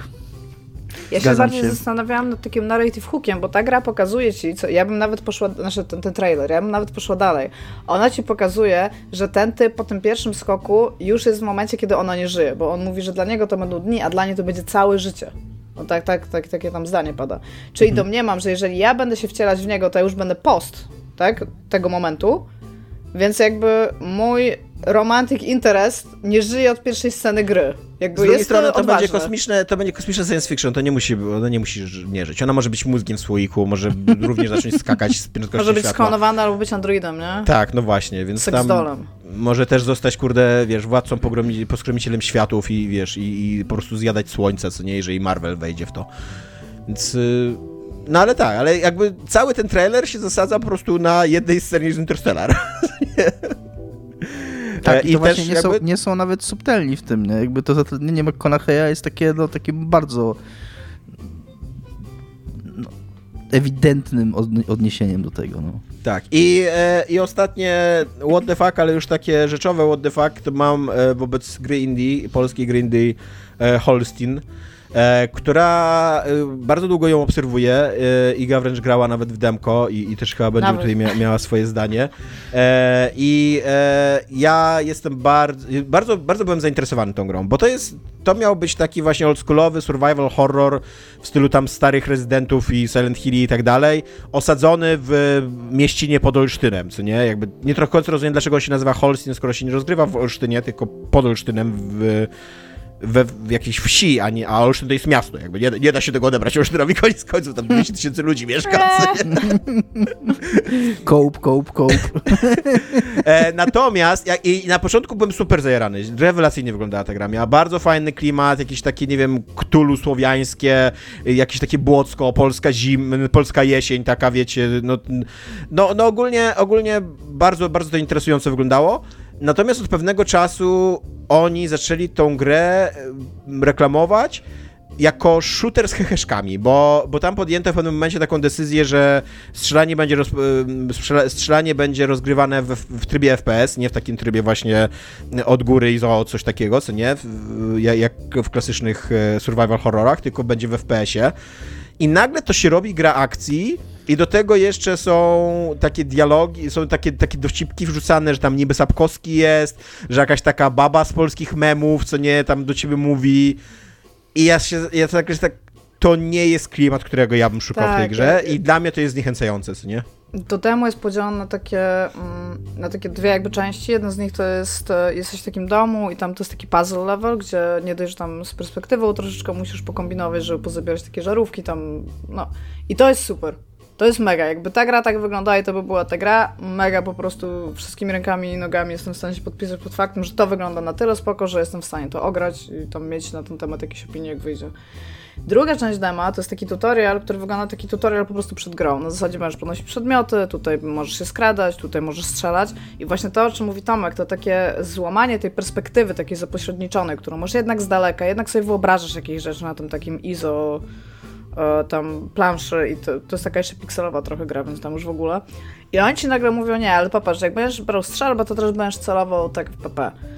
I to całkowicie po prostu zabiera tej grze jakikolwiek taki creepiness faktor i cokolwiek. Plus to strzelanie jest super niewygodne. Ja rozumiem, to jest survival horror, ono ma być trochę niewygodne, ale ono jest takie niewygodne aż do momentu, gdzie cię kar kara po prostu za fakt. Oni tam mają już taką mechanikę, że jak zaczynasz celować, to jesteś dużo bardziej celny na samym początku, niż potem. Jakby taki licznik fokusu, nie wiem jak to nazwać, ci, ci spada. Więc tak naprawdę ona od ciebie wymaga, żebyś jak najszybciej strzelił po tym, kiedy przejdziesz do tego widoku, no ale jako, że zmieniasz ten widok, no to nie wiesz dokładnie, gdzie będzie ten ziomeczek jakby w 3D przed tobą. Przez to to się robi taki straszny pain in the ass granie w nią. I jakby, i to, i to nie jest też fajne i o ile strasznie mi się podobało sam, sami koncept i właśnie art i ten klimat, o którym mówi Tomek, to jak tylko wchodzi, to, no, to jest bardzo USP, znaczy Unique Selling Point, to, to strzelanie, tak?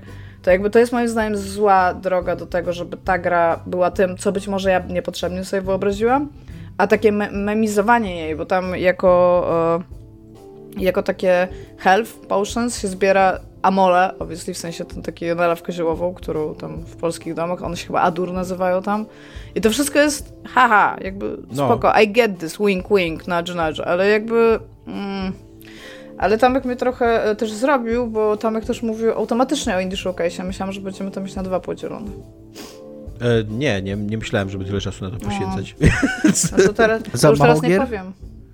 Co? Domi Dominik, teraz ty. Ja Teraz mam wrażenie, twoje. że właśnie dla mnie nic nie zostało, bo tam w mailu było wybierzcie po dwie, trzy, no ale spoko. Nie, ja nie mam za bardzo nic, właściwie wszystko, o czym ja chciałem powiedzieć, to jakoś wyczerpały wasze listy. O, to ja mogę powiedzieć dalej. Do Skull and Bones, do Skull and Bones chciałem dodać, bo tak, bo miałem to na swojej liście i mam takie samo wrażenie jak Tomek, że o pierwsze nikt na tą grę nie czeka, ja też na nią nie czekam, bo kochałem Black Flag, a po tym trailerze nie czekam na nią jeszcze bardziej niż, niż na nią nie czekałem, bo oni to pozycjonują w tej chwili ewidentnie jako takie multiplayer w stylu Sea of Thieves.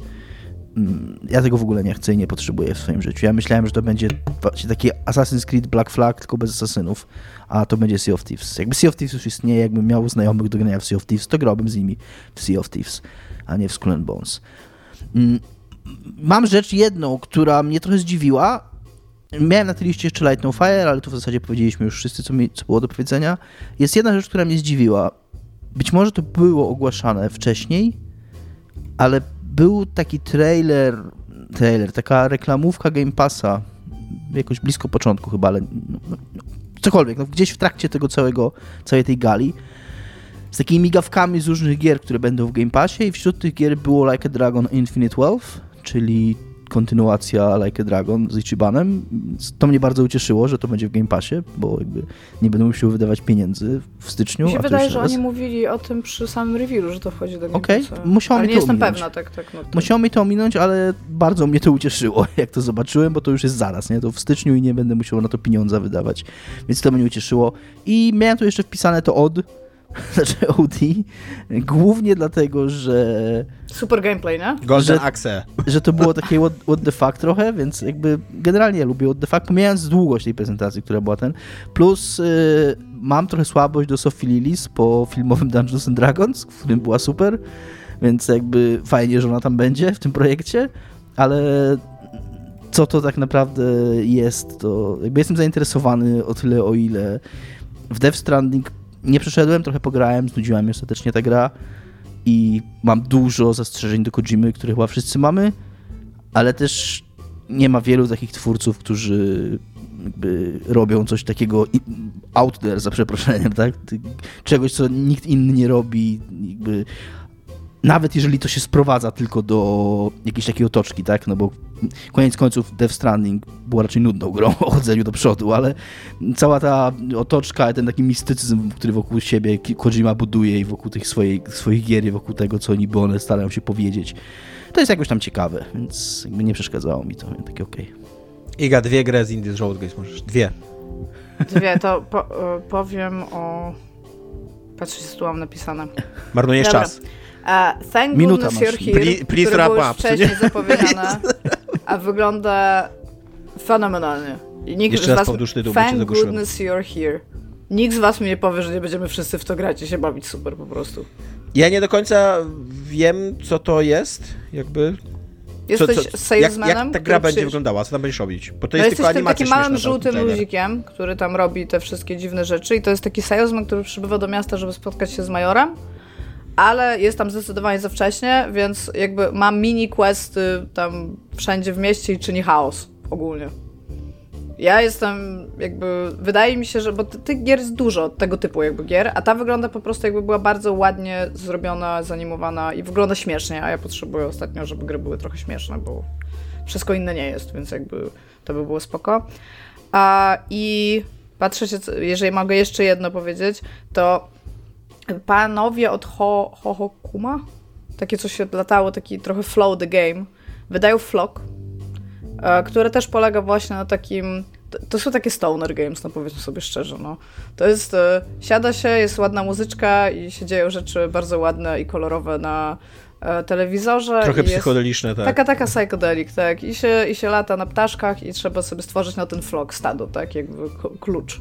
Więc się prosi inne stworki, żeby latały za, za nami i to, to wygląda relaksująco i potrzebuję też relaksu od giereczek, więc powiem o tych dwóch. O reszcie a, a ja, ja z tego gatunku... Ale nie było ich tak dużo, więc możecie sami je zobaczyć. Będą ja z tego gatunku Stoner Games, y, to takie LSD Games bardziej, to Ultros, y, które chyba nie będzie, nie będzie jakby odmurzające, bo to raczej będzie mm, Metroidvania. No to jest takie chyba hardcore, bym nawet powiedział, Tak, co? Ale, ale wygląda bardzo LSD-owo.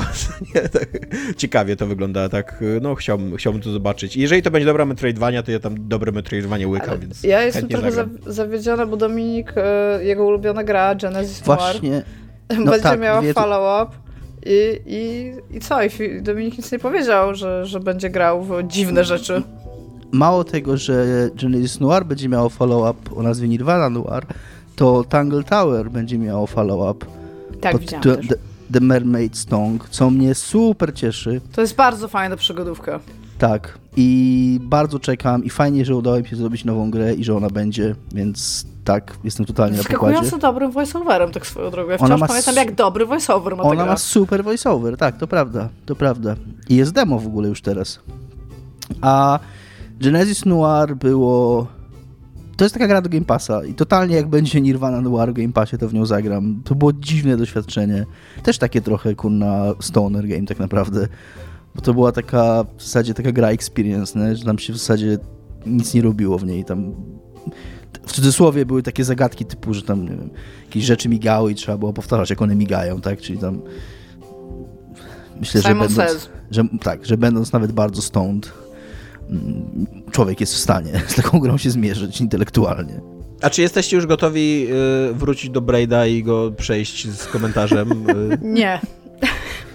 Nie, ja, ja, nawet, ja nawet właśnie obejrzałem ok, jakby tam nie grałem w tą grę 20 lat, pewnie. Ja właśnie, ja ją powtarzałam, wiesz, już raz. Przy okazji jakby... to jest bardzo ciekawe, jakby, bo oni tam twierdzą, że wszystko powiedzą o produkcji, co nie, w tym audiokomentarzu. Ja nigdy nie grałem w takie gry z audiokomentarzem, ale to jest gra logiczna, więc jakby wydaje mi się, że to może być ciekawe. Co nie? Jest taki jestem... piękny komentarz e, jakby aktorski, jak się nazywa, Total Recall z Schwarzeneggerem było? No. Tak, pamięć absolutna Polska. Tak, pamięć absolutna. I ja nie wiem, czy słyszeliście jego komentarze do tego filmu. Nie. Jak się ogląda. No bo jego komentarze to jest na przykład, jest ta scena, co mu oczy wychodzą z orbit. I on mówi, oh, this is the scene when my eyes pop out, so funny. To jest, to jest cały komentarz tam w zasadzie, and now I notice she has free boobs. I to okej. Okay. Ja bardzo kocham Arnolda, więc jakby let's go, nie? Mogę tak oglądać. Jest jeszcze legendarny, legendarny komentarz Bena Afflecka do Armagedonu. Tak. Że tam ta scena, ta scena nie ma kurwa sensu. Zapytałem Michaela Baja o co w niej chodzi, on mi tam powiedział coś tam, coś tam. To nie ma sensu, to, to jest głupiec. Nie? I tak po prostu opowiada. Nie, bo on mówi, bo on mówi że do Michaela Baya, czy naprawdę uważasz, że łatwiej jest nauczyć trzech specjalistów od odwiertów, jak być astronautami, czy trzech astronautów, jak wiercić. Więc, tak, legendarne to jest. Dobra, i na koniec y, wisienka na torcie klub programu Nagrody. Eee, Dominik, ty będziesz prowadził? Ty oglądałeś? Ty masz Oglądałem. jakąś listę? Dominik, Mogę... prowadź Video Game Awards w przyszłym roku, okay? Przyznaję jeszcze no raz. No pressure. Y, może nie będziemy przychodzić przez wszystkie, ja wybiorę kilka a, najlepsza adaptacja oczywiście już, już wspomnieliśmy, Last of Us, zasłużona, legendarna, więc tak. Mm, most Anticipated, najbardziej oczekiwana, najbardziej niepotrzebna kategoria w ogóle, nie wiem po co ona istnieje. Bo Wiedźmin 3 potrzebował bardzo dużo ich skarnąć, wiesz, ale to, to jest, mam wrażenie, że to jest fakt. Dlatego, żeby mógł dostawać nagrodę jak powstawał, to powstało to i teraz jakby lecimy z tym dalej. I serio, na, naprawdę, druga część y, remake'a gry sprzed 20 lat jest najbardziej oczekiwaną grą. Teraz jakby Final Fantasy VII Rebirth jest, jest bardziej oczekiwany niż Hades 2. Albo nawet Star Wars Outlaws, jakby tam, ja, ta, ja na to nie czekam, ale to przynajmniej jest coś nowego, co nie? Jakby jakaś tam nowa gra w bardzo znanym świecie. Tak. Ale ja też widzę powody, już bez przesady. Ja, ja, uważam, że, ja uważam, wiem, że tak. Uważam, że cała ta nagroda jest głupia po prostu, bo to jest. nic nie znaczy. Bo to nic nie znaczy. Jest y, dużo, większy, jest dużo więcej głupich nagród jakby. Najlepszy multiplayer Baldur's Gate 3. Ja generalnie jestem za tym, żeby Baldur's Gate 3 dostawał wszystkie nagrody w wszystkich kategoriach, na wszystkich rozdaniach nagród. Od Już teraz, zawsze. Zawsze. Natomiast czy akurat kategoria najlepszy multiplayer... Wydaje mi się, że to, że ten multiplayer w tej grze jest i działa, to jest jakby cały zakres jego najlepszości. Nie wiem. Wydaje mi, się, wydaje mi się, że najlepszy multiplayer to byłaby nagroda dla jakiejś gry, która nie wiem, jakieś ciekawe mechanizmy, jakoś rozwija tą rozgrywkę przez ten multiplayer, jakoś nie wiem, no ma jakiś ciekawy matchmaking, w jakiś ciekawy sposób łączy ludzi, którzy grają. A to, że mogę już usiąść w tą grę, którą gram sam, grać również z kimś, przy okazji yy, Owsiany teraz gra z swoją żoną w Baldur's Gate 2 i po pierwsze, Baldur's Gate 3, po pierwsze, co mnie super dziwi, ale pewnie są jakieś problemy technologiczne z tym związane, kwestie, ale jak się gra na split screenie, to ta gra nie robi tego, co Divinity, czyli jak się postacie zbliżą do siebie, to się robi jeden ekran, tylko jest cały czas split screen. Nawet w walkach, gdzie już mi się wydaje, przynajmniej w walkach to było, skoro i tak jedna postać naraz jakby dokonuje wyborów, to spokojnie mogłoby to być na jednym ekranie w walkach. Plus cały czas i to jest od czasu, znaczy nie od czasu premiery, bo to chyba po jakimś patchu się pojawiło. W lewym górnym rogu ekranu cały czas są gamer tagi osób, które aktualnie grają, nawet jak to jest offline, które zasłaniają minimapę. Więc jakby co to staram się powiedzieć, to być może jeszcze jest coś do zrobienia w temacie multiplayer do Baldur's Gate 3. I też ta druga nominacja dla Super Mario Bros. Wonder też jest, Wonder też jest dziwna, nie? Też to jest takie... Już bardziej... Tam możesz pograć we, we dwójkę czy czwórkę, kurde, na kanapie w, skakać. Tak, to jest podobny, podobna sytuacja tak. jak z Baldurem, nie? Masz jakby okej, okay, super, że ten multiplayer jest, ale czy on jest jakiś tam rewolucyjny, szczególnie, że jest też problematyczny pod pewnymi, znaczy ma pewne problemy. Ja bym powiedział, że chociaż nie grałem, że Diablo 4 wydaje się mieć tutaj więcej sensu, bo jakby ta gra ps, jakoś ja z tych wszystkich, jak się patrzy na tę nominację, to bym dała albo Party Animals, bo to jest po prostu gra, która nie działa bez multi, no, okay. O właśnie, i to ma sens, I, nie? Kiedy albo masz... Street Fighter 6, który też raczej opiera się na multi. Ale mówię, nie grałam w Street Fighter 6, więc nie wiem, czy ma problemy z latencją albo coś takiego, ale jakby mordobicia raczej są na multi. RTS-y raczej są jakby na multi i jakby co-op albo competitive multiplayer games zwykle też są na multi, więc jakby fajnie by było, jakbyśmy się może tam trochę? Nie, nie, wiem. Ja się zgadzam z Dominikiem. Jakby, jakby to był jakiś na przykład asymetryczny tak, no multiplayer, no właśnie, który dokładnie. zupełnie ci w ogóle mózg ci wybucha po prostu, że ty widzisz inne rzeczy niż inni gracze. Tam second person shooter, gdzie widzisz z oczu innego gracza i musisz się z nim dogadać, nawet jak jest z przeciwnej drużyny. Jakby to, to by było fan, tak? Ale nawet to, co ty powiedziałaś, że gra, która to Party Animals, że gra, która nie działa bez multiplayera, też ma tu trochę więcej sensu. Jakby to jest jakoś u podstaw jej designu, tak? Więc nie do końca rozumiem tę nagrodę. Najlepszy sports racing, Forza Motorsport, chyba nie mamy tu nic do powiedzenia, ja przynajmniej nie mam. Ja w ogóle w tej kategorii nie mam nic do powiedzenia. No właśnie, no tak, tak, tak. Y, Symulacja, strategia Pikmin 4, podobnie. Najlepsza, najlepsza rodzina, Najlepsza rodzina to jest super kategoria. Ja, ja, ja Mam nadzieję, że kiedyś w tej kategorii Jeff i, i Kojima dostaną nagrodę. Ja też, ja też, bardzo im kibicuję. w kategorii najlepsza rodzina wygrało Super Mario. Co jest dziwne, e, bo e, Super Mario e, Bros. Wonder to korowo jakby nie jest gra rodzinna. To jest platformówka, która bywa dosyć trudna i jakby bywa wyzwaniem. To nie jest taka gra bezproblemowa. Ma swój taki tryb bezproblemowy, ale to jest tylko tryb i to jest poboczny trochę tryb, co nie? Jakby główna gra to jest Mario, kurde, a Mario potrafi być trudny, co nie? Wymagający. Tak, więc y, Disney Illusion Island, nie wiem co to jest, ale ma Disney w nazwie, więc pewnie jest dla dzieci i, i dlatego... Jesteśmy, ja myślę, że my powinniśmy dawać te nagrody. Z takim przygotowaniem jak teraz.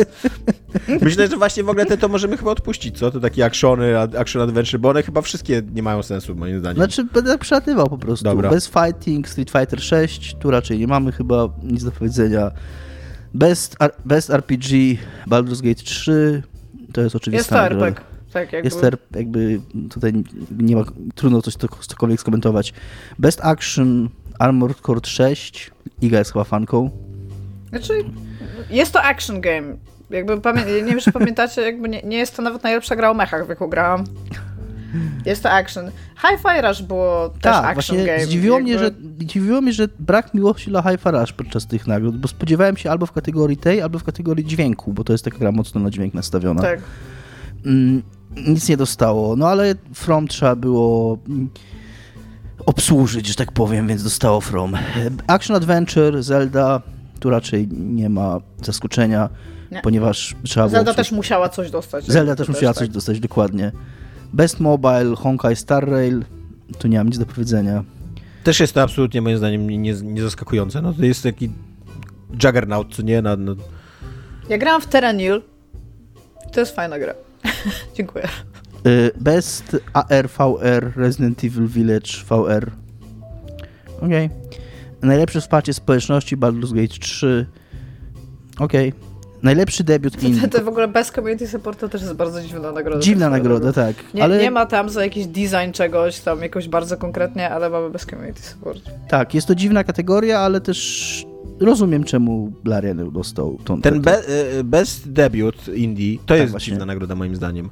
Bo jakkolwiek to jest pierwsza gra nowego studia, tak to studio powstało dlatego, że bardzo doświadczony koleś odszedł z innego studia i, i jakby to nie jest, on w ogóle nie jest debiutantem, co nie? On jest, on jest wręcz taką właśnie, taką figurą, kurde, znaną w środowisku, która zrobiła mnóstwo rzeczy, jest autorytetem i tak dalej.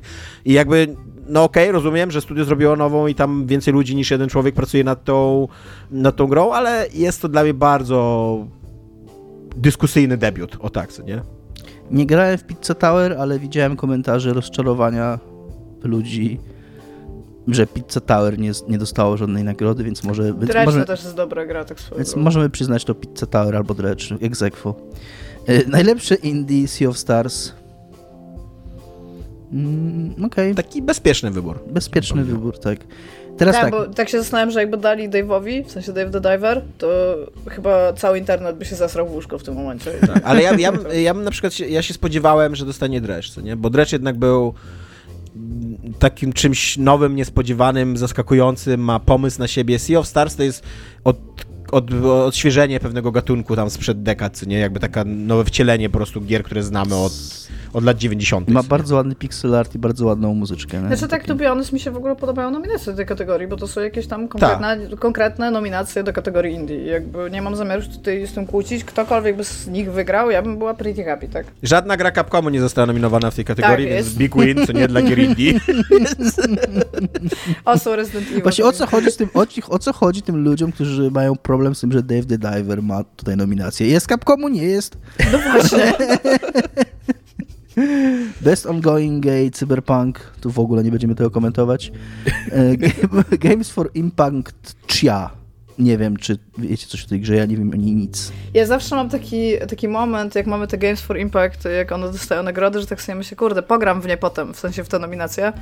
I czasami na przykład biorę jakąś z nich i jestem like, to nie jest to dobra gra, ma dobry message, ale akurat z tych jest jedna, która super mnie interesuje i ta druga, czyli Chance of Senar. Mm. To jest gra językoznawcza o nauce języku, gdzie ludzie do ciebie mówią jakimiś symbolami, ty musisz sobie przyporządkować słowa do tego i mam to na wishliście od dawna i bardzo chcę w to zagrać i nigdy, nigdy nie mam jak, a ja sobie teraz znowu o tym przypomniałam, więc pewnie więc pewnie w to zagram. Terra Nil grałam, a reszty, reszty nie znam. Ale mam chyba Goodbye Volcano High, Volcano High na tym, na, też na wishliście. Więc... Ja to, ja to czy ja mam trochę na, na celowniku, nie wiem czy w to zagram, ale to się wydaje ciekawa, taka słodko-gorzka gierka. Ona, to co ma charakterystyczne i dosyć rzadkie, to że ona jest osadzona w Nowej Kaledonii.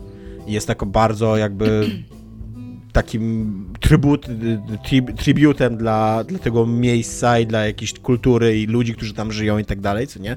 Mhm. Co jest podobno bardzo fajne. Więc no, ja tam jestem nawet zainteresowany tą gierką. Best Performance, czyli aktorstwo najlepsze, Neil Newbon, Baldur's Gate 3. I teraz ja mam coś do powiedzenia. Ja uważam w ogóle, że Baldur's Gate 3 ma fenomenalnie wszystkie postacie zagrane i jakby ta gra stoi tym voice actingiem, bardzo to, nie, nie chodzi tylko o jego wolumen, bo jest go strasznie dużo, ale te postacie tam bardzo dużo życia tej grze dają. Zarówno Jennifer English, która gra yy, Shadowheart, jak i właśnie Neil Newborn, który gra Asteriona, jak i inne postacie, które, aktorzy, których nazwisk teraz nie pamiętam. I jakby to jest bardzo integralna część tej gry, tej gry i absolutnie należy się jej wyróżnienie. Wydaje mi się, że Neil Newborn jako człowiek, który po pierwsze ma taką najbardziej, jakby to powiedzieć, efektowną rolę, taką, taką najbardziej wyróżniającą się, taką bardziej flashy, za przeproszeniem, a z drugiej strony przez to, że on jest również, ma firmę, która robi mock-up, jakby on uczestniczył w produkcji tej gry, nie tylko jako aktor, ale też jego firma robiła tam nagranie do tej gry, więc on się stał swego rodzaju twarzą i głosem całego voice actingu Baldur's tak, Gate 3. Prawda. Więc w tym sensie ja odbieram tę nagrodę. W tym sensie tak, jeżeli bym miał nagrodzić występ, jakby performance w Baldur's Gate 3, który też uważam, że zasługuje na tę nagrodę, to moim zdaniem powinien dostać Andrew Wincott za Rafaela, bo to jest niesamowite, co on robi z tą postacią. Jak właśnie jak taki charyzmatycznie zły, śliski jest y, Rafael, a do tego śpiewa. Co? Tak, tak, to prawda.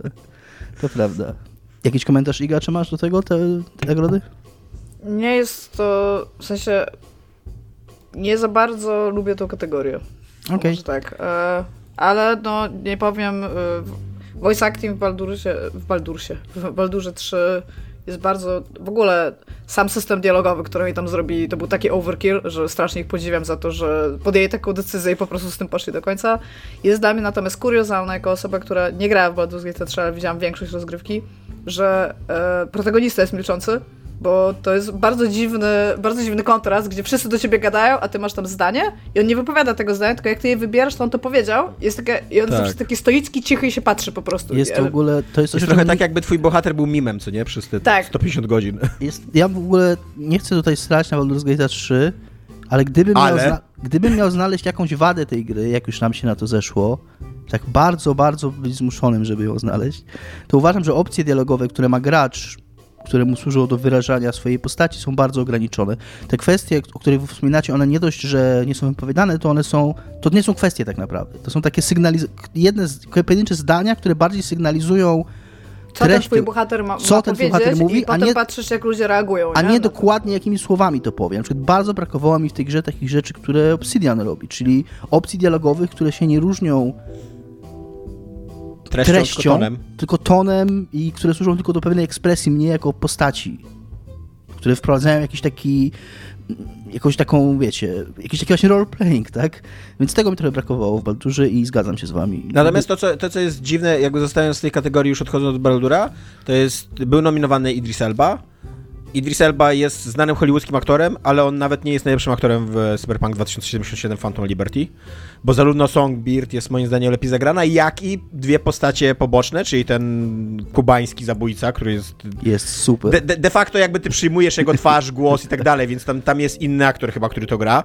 E, I ta dziewczyna, ta, kan- nie, francuska, ta, ta, ta Tak. która handluje tam informacjami, ona też jest świetnie zagrana i na pewno lepiej niż Idris Elba to gra. co Nie? A Bo- właśnie dlatego, ja się, dlatego tro, trochę się boję tej kategorii, bo o ile ja wiem, że tutaj są też no, jakby voice aktorzy, voice aktorzy nominowani i uważam, że oni powinni być nagradzani, to ja się boję, że mm, jak przyjdą te takie wielkie jakby sławy hollywoodzkie, to przez to, że oni są właśnie w jakiejś produkcji, to pomimo tego, że na przykład oni nawet nie są jakimiś najlepszymi voice aktorami w tej produkcji, to oni będą nominowani, no bo, no bo kurde. Tak, na No, tej no, zasadzie. Na szczęście tutaj przynajmniej nie dostał Idris Elba nagrody. O, kolejna nag- nagroda skłamałem totalnie. Totalnie skłamałeś. czeka. A najlepszy audio design Hi-Fi Rush. Słusznie. Chociaż tę grę nie grałem.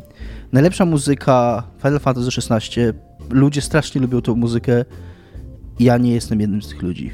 Mm, Uważam, że to jest taki, e, taka esencja tego, czego ja nie cierpię we współczesnym tworzeniu muzyki na potrzeby takiego blockbusterów, bo to jest, taka muzy- to jest taki klimat muzyki filmowej, która cię napierdziela trzema symfoniami i pięćdziesięcioma chórzystami naraz, którzy po prostu tak zagłuszają wszystko, że tam jest po prostu taki o, o, o, o, i to jest kurwa cała ścieżka. Jakby, jakbym walczyła z bossem, nie? Musimy mieć kącik, Dominik robi ścieżki dźwiękowe. Ale tak jest. Jakby, to, jakby ja teraz patrzę na rozgrywkę z Final Fantasy XVI i tak jest, jak Dominik mówi, podchodzisz do ziomeczka i nagle ci wchodzi chór i jakby ty wiesz, a, bo, bi się, bo się bije, nie? Tak. Jakby to jest takie to- jeden do jednego, bije się, to musi być chór, jest kropka. I tego jest strasznie dużo w tej grze, a bardzo mało jest takiego melodyjnego, fajnego grania jak Uematsu. Nigdy niezapomniany, y, na którym ja się wychowałem, jeżeli chodzi o Final Fantasy, więc nie jestem fanem tej, tej nagrody dla Final Fantasy XVI. Teraz Nie. wchodzimy w y, pierwszą ligę, w prawdziwe nagrody. Tak, Art Direction, Alan Wake 2. Tak. Akceptowalne, no tak. Tak. Akceptowalne, tak. Best Narrative. I to mnie zdziwiło trochę. To jest Most Narrative. To jest, Alan- tak jak, to jest ta sama nagroda, co dostali Guardiansi. Most Narrative. Checks out. Mają najwięcej, więc powinni dostać. Ja, to, to jest... y, Alan Wake 2, bo nie przeczytałem, Tak. kto dostał. To jest odważna nagroda dla gry, która jest świadomie źle napisana.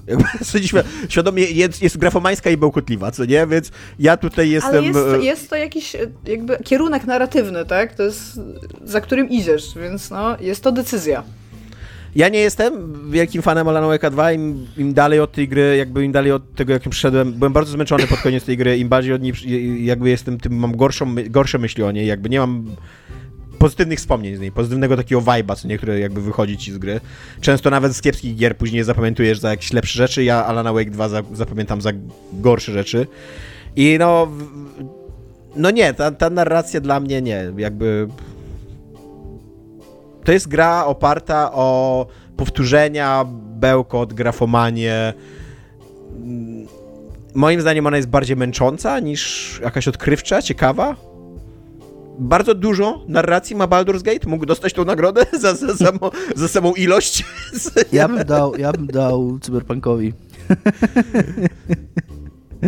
Chyba jeżeli chodzi o taką czystą historię, taką pojmowaną jako w takim filmowym sensie, że, że mam jakichś bohaterów, których się przywiązuje, jakąś dramaturgię, którą przeżywam, górki, dołki, i później zakończenie Ja ląduje. mam do was pytanie, I emocje z tym związane, tylko skończę. To Phantom Liberty w tym roku najbardziej chyba zadziałało na mnie w tym sensie. takie historyczne pytanie mam do was. Historyczne. Czy, historyczne. Czy DLC w ogóle były dominowane To wcześniej w jest tej kategorii? to swoją drogą, tak. No, tak. Szczególnie Nie takie DLC jakby nie po skończeniu gry, tylko takie Tak. inner I też nie standalone, nie? Tak. No właśnie tak, tak, tak. Że, bo, bo to jest dla mnie takie, ja rozumiem, w sensie ja, ja rozumiem tą nominację, wiem czemu ona tutaj jest, ale czy to jest... W ogóle Phantom Liberty to robi coś jeszcze. gr- On ci może przerwać grę w połowie. bo, bo to zakończenie, które dostajesz w Phantom Liberty, jak je odpalisz od razu, to tam kończysz po prostu wszystkie wątki. No właśnie, po prostu się tak, tak się po prostu zastanawiam, nie? że to jest chyba coś nowego, że taki właśnie śródgrowy DLC jest tutaj nominowany tak. za story. Wiem, że Cyberpunk to jest, on jest troszeczkę inaczej traktowany niż inne gry, ale czy to znaczy, że w przyszłości takie właśnie DLC z gier fabularnych, bo jest to gra fabularna, też będą jakby same z siebie mogły być nominowane, nie? Ja tu mam jeszcze takie przemyślenie, że tak naprawdę w tej kategorii jedyną narracją grową jest Baldur's Gate 3, bo masz tam drzewka dialogów, masz reakcje świat, który reaguje na to, jakieś testy i tak dalej, to jest, to jest growe. Pozostałe gry, Alan Wake 2, Cyberpunk Phantom Liberty, Final Fantasy XVI i Marvel y, Spider-Man. Tutaj o Final Fantasy mówię na podstawie tego, co mi Dominik mówił. To Masz są wszystko filmowe narracje. To prawda, co mnie prowadzi do kategorii Best Game Direction i tutaj z kolei ja mam taką myśl, jak miał Tomek przy kategorii Best Narrative, bo o ile możemy inaczej pojmować narrative, to za dokładnie z tych powodów, z których Tomek powiedział o tym, czym wyróżnia się narracja w Baldur's Gate 3, uważam, że te kategorie Best Game Direction bez dwóch zdań powinien dostać Baldur's Gate. Ja rozumiem, czemu dostał tą nagrodę Alan Wake, bo Alan Wake jest bardzo efektowną grą, taką dziwaczną, jest tam sam Lake, który tańczy, on jest przy okazji bardzo fajnym człowiekiem i, i tak dalej, ale ilość pracy, takiego właśnie narrative designu, którą, która musiała wejść w tę grę i nadzorowanie tego wszystkiego, to, to dosłowne reżyserowanie, tak?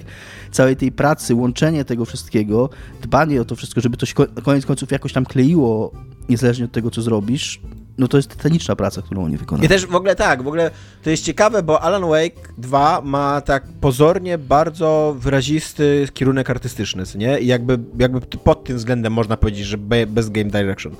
Natomiast Baldur's ale Gate 3... Ale już za art design właśnie za to. Tak, ale natomiast ja tu chcę tylko powiedzieć, że Baldur's Gate 3, będąc gigantycznym behemotem jaką grą, też ma bardzo spójny kierunek artystyczny i to jest, to jest dla mnie jakby olbrzymie osiągnięcie, olbrzymi szacunek za to, że ta gra tak długo utrzymuje jakby jeden ton i to nie jest łatwy ton, bo to jest ton, który jest jednocześnie zabawny, jednocześnie mocno queerowy on jest, jednocześnie właśnie takie 150% fantazy, jakby w ogóle nie banie się tymi rzucanie jakimiś dziewięcioma piekłami, diabłami, najdziwniejszymi rzeczami i to, że oni utrzymują przez 150 godzin gry spójność tego świata, który sięga, kurde, we wszystkim kierunku jego macki i inspiracje, co nie?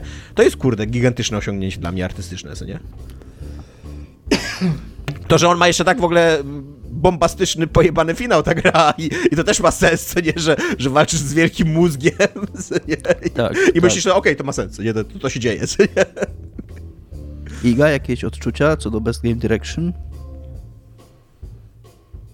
Myślę. Nie, brak. Też nie jest to jakaś moja ulubiona kategoria. Tak ona, jest, ona jest w ogóle trudna do zdefiniowania, bo y, ona mi się wydaje, tylko że... dla bardzo dużych projektów, bo tak naprawdę pewnie dużo lepszy game direction mają dużo, dużo mniejsze gry. Bo tak. po ja prostu by... są bardziej spójne, organiczne i, to, i to jest... jakby to jest ciężkie do zdefiniowania moim zdaniem w grach wideo, bo to jest kategoria, która przyszła z filmów. Tam jest stanowisko reżysera po prostu i łatwo ocenić w miarę jego pracy, nie jak się jest tam jakimś ekspertem i wie, co robią reżyserzy. Natomiast w grach to jest bardziej skomplikowane, bo trzeba kierować projektem, trzeba kierować wizją artystyczną, yy, jakby to jest pół menadżerska, pół artystyczna praca, takie no nie wiem no do tak, końca, co oni tu nagradzają. I nie? też przy okazji jakby nie dostaje jej ziomek, zwróć uwagę, jakby nie dostaje tego tak. creative director, E, tak. tam e, Alana Wake'a 2 imię, nazwisko, tak? Tylko jakby dostaje to gra. I tak jak jeszcze Dominik mówił, a jednocześnie jest druga kategoria, która jest Art director, Directions, nie? która tak jakby pokrywa się mocno z tą kategorią, ja, co nie? Być może błędnie, ale ja tę kategorię odczytuję trochę jako kategorię Best Design, bo nie ma takiej kategorii i wydaje mi się, że o to w niej trochę chodzi. Ja bym tak rozumiał. No to Alan Wake 2 na pewno nie jest bezdesignowaną no tak, grą. na pewno nie. Jakby, jeżeli dlatego, o to chodzi, to, to Baldur's Gate 3 też dlatego bym to mówię, że tak. tak. Dlatego mówię, w mojej definicji tej nagrody e, nie ma Nawet nie wiem, czym tego nie da Zeldzie, bo ona jest jakoś systemowa, tak? Więc jakby to, to, to też e, bez design jakby chyba jest, jest tutaj raczej w Zeldzie. Natomiast też gdybyśmy mieli nagrodę bez design, to powinien być Kokon w tej kategorii, nie? Przynajmniej Ale Iga w Baldur's Gate 3 też ma to wszystko, co Zelda. Też ma te wszystkie beczki, które możesz rzucać i powierzchnie, które się podpalają. I Ale nie, ma. masz... Tylko, że jakby ze wszystkich tych rzeczy tak? Sądzę, że Baldur's Gate 3 jest po pierwsze, bo to jest tak, bez design. Baldur's Gate 3 jest dużo, dużo bardziej skomplikowaną grą. E, ja nie most, znam most design. Mo, most design. A jakby... E, nie znam wszystkich, e, jakby wiesz, założeń branżowych, jeżeli chodzi o narrację i to, co jesteś w stanie w niej designersko jakby osiągnąć, bo też wiem, że ludzie, którzy grali kilkanaście razy, na przykład już Baldur's Gate 3, zaczęli zauważać tą iluzję wyboru w niektórych miejscach, aczkolwiek wiem, że kilka wyborów z niej jest takich, że na przykład jesteś w stanie cały akt stamtąd wywalić, co jest bardzo odważne i za to jestem w stanie, kurde, kogoś jest, dominować do y, tego, nie? Tak, tutaj też chciałem uzupełnić to, co mówiłem. Jakby cały akt to chyba nie, ale całą lokację. Ta no tak, nie, no ale w sensie, no, no to pół Ta gra nie no. jest bez wad i jest na przykład... Y, jest jedna... No to jest nie... wciąż to jest gra, tak? To nie jest tak, tak że to tak, jest, tak. to jest the definitive y, tam video game of Chcę all time, gdzie możesz całe życie... Tak. Tak. I wszystko, każda decyzja będzie. Ja tutaj chcę powiedzieć, bo wiem, że Patryk nas słucha i Patryk miał ten problem, że na początku drugiego aktu masz taką walkę w tawernie i tą walkę można spektakularnie przegrać. Także cała ta lokacja, cała ta tawerna przestaje być dostępna, wszyscy ludzie, którzy tam są, sklepiki, które tam są, przestają być dostępne i może to zostało poprawione po paczach, ale jak Patryk w to grał, ta gra narracyjnie sobie kompletnie nie radziła e, z konsekwencjami tego. Jakby to, to było faktycznie, ale postacie jakby nie, nie zauważały tego faktu, że to... Tak, że tylko to że ja właśnie mówię, że jeżeli z tego wszystkiego, no to jakby przez to, że Zelda ma dużo mniej narracji właśnie które, i świata, które musi reagować na rzeczy, to pewnie ten design, tak jakbyś go brał zero-jedynkowo, jest lepszy, dlatego że bardziej organicznie działa w świecie, tak? I dla, Mówię, to jest, to jest w No nie, no i też pamiętajmy, że... Jak, ale jak ona się jeszcze nazywa w ogóle bez game direction, to to jest kierunek, w którym ta gra idzie? No to jeżeli to jest kierunek, w którym ta gra idzie, to być może na przykład to jest, powinno być o gra, która zadaje jakieś pytania, które w sequelu będą no właśnie, być zmienięte, tak? Jakby... Różnie to można y, jakby rozumieć, tak? Dobra, słuchajcie, bo... Y, ja bym tylko jeszcze chciał powiedzieć tylko jedno zdanie o Zeldzie, tak trochę na obronę Zeldy, że Zelda, pamiętajcie, że też ma praktycznie, kurde, minecraftowe podejście, co nie do tworzenia rzeczy i znaczy, zabawek. Znaczy, Zelda taki, jest super. Tak, w tak rozbudowanej, w tak wielkiej grze to, jak dużą swobodę kreacji dali, to jest niesamowite, nie? I to też jest strasznie skomplikowany design, co nie? Żeby ja to działało, żeby to nie rozwalało gry. Nie, nie, nic złego nie powiem o tej grze. Player's Voice, Baldur's Gate 3, tu się nie da nic powiedzieć, taki był głos graczy, nic z nim nie zrobimy. Zero w ogóle zaskoczenia przy okazji pod tak, względem no, tego, ja, ja, jaki entuzjazm ta gra wzbudziła, co nie? No i tak. super, właśnie. Ja, to mnie akurat super cieszy. Ja nie jestem super wielką fanką Baldurów, nigdy nie byłam, ale to jak ludzie odebrali tę grę, to kurde więcej, żeby, tak, żeby takie gry były tak odbierane, nie? Takie, w których trzeba siedzieć, czytać, siedzieć 100 godzin i żeby to nie były takie blockbusterowe rzeczy tam Wiem, jak Call of Duty zostało odebrane w tym roku, ale to jest może, to jest może, dobry, to jest może dobry kierunek, to jest może dobry direction. Tak, no i gra roku Baldur's Gate 3 też ze zdziwienia. Było zaskoczenie u nikogo. tak, bo tak jak, tak jak to, co Czymiga powiedziała, jak ta gra została odebrana, więc ten, ta wygrana w kategorii najlepsza gra, najlepszy głos graczy, to nikogo nie zdziwiła, to gdyby teraz Kapituła nie przyznała tej grze nagrody gry roku, to konsekwencje byłyby większe niż gdyby Dave the Diver dostał grę indie, jakby Jeff by z torbami poszedł. Nie? I w ogóle wśród tych nominowanych, bo to jeszcze jest Alan Wake, Spider-Man 2, Resident Evil 4, Super Mario Wonder i Zelda, to tak naprawdę tylko Zelda jakby tak jest w tej samej lidze co Baldur's Gate, nie? Cała reszta tych gier jest po prostu dużo mniej ważna, dużo mniej no taka ciężka, co nie tak gatunkowo też i no. A też mm, no my o Baldurze mówiliśmy bardzo dużo i nie tylko w innych naszych odcinkach, ale i w tym, więc chyba nie trzeba tego bardziej uzasadniać. To też po pierwsze ja nie chcę jakby deprecjonować tej Zeldy mówiąc, że to jest drugie Breath of the Wild, bo to nie jest prawda. To jest mocno inna gra. Ja ją dużo Można bardziej... również powiedzieć, że Baldurs jest trzecim Baldursem. Ja, ja, tak, to prawda, no ale... Mm, Odważne. Ba bardziej chodzi mi o to, że bardziej chodzi mi o to może nie o to, na ile ta gra jest wtórna do tego, co było wcześniej, co o to, że Breath of the Wild de facto wyszło relatywnie niedawno, i jakby świeżo w pamięci jest jako taka gra roku w cudzysłowie. Jakby Larian, belgijskie studio, które jest takim super rock z story ludzi, którzy tam zaczynali od małych gierek, a teraz zrobili takiego behemota i zrobili izometryczne RPG, które wszyscy pokochali. To jest ładna historia, więc jakby w tym sensie to też ma sens, jak w sensie ma to sens. Ale też y, klasycznie trzeba trochę ponarzekać na to, że gierki są bardzo konserwatywnym y, medium, gdzie gra roku, nominacje do gry roku to jest Resident Evil 4, który nie jest nową grą, jest remake'iem klasycznej gry. Super Mario Wonder to jest 38 odsłona jednej serii. Legend of Zelda to jest druga 38 odsłona tej samej serii. Przy okazji druga odsłona Breath of the Wild. E, Spider-Man 2 to jest trzecia gra w serii i adaptacja, kurde, gigantycznej marki Disneya. Baldur's Gate 3 to jest trzecia gra w serii. Alan Wake 2 to jest niby druga gra w serii, ale tak naprawdę szósta chyba gra, znaczy no nie, no nie szósta. Czwarta czy piąta gra tak. w uniwersum, co nie mm, Remedy. Więc Tam nie, Okej. nie ma miejsca na nowość, tutaj. Dre- Dredge nie jest nominowany. Tak. Ani Dave the Diver. O Ja już nie będę już Raytana robił, więc okej. jakby ty nie musisz, jakby już przyznali Baldur, już przyznali Już wygrałem, tak. Tak, No. właśnie, what the fuck. Rejtana to może na naszym rozdaniu nagród robić. E, dobra, i na koniec pamiętajcie o naszym patronajcie. Nasz patronat istnieje, jest dla nas bardzo pomocny. Jeżeli chcecie nas wesprzeć, jeżeli chcecie, żebyśmy robili takie zajebiste odcinki i, i żebyśmy y, mieli na co jeść, y, to polecamy nasz patronite. Jeżeli nie chcecie, to też nie wpłacajcie nam na patronite. Możecie nie wpłacać nam po prostu y, bez... A wtedy będziemy musieli się do kanibalizmu. Tak, wtedy, wtedy tak, wtedy trzeba będzie jeść ludzi po prostu. No, tak. To jest łatwiejsze niż upolowanie jelenia.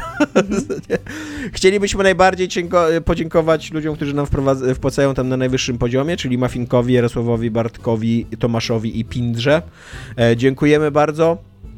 E, jesteście super. E, I tyle. Trzymajcie się, pa. Cześć. See ya.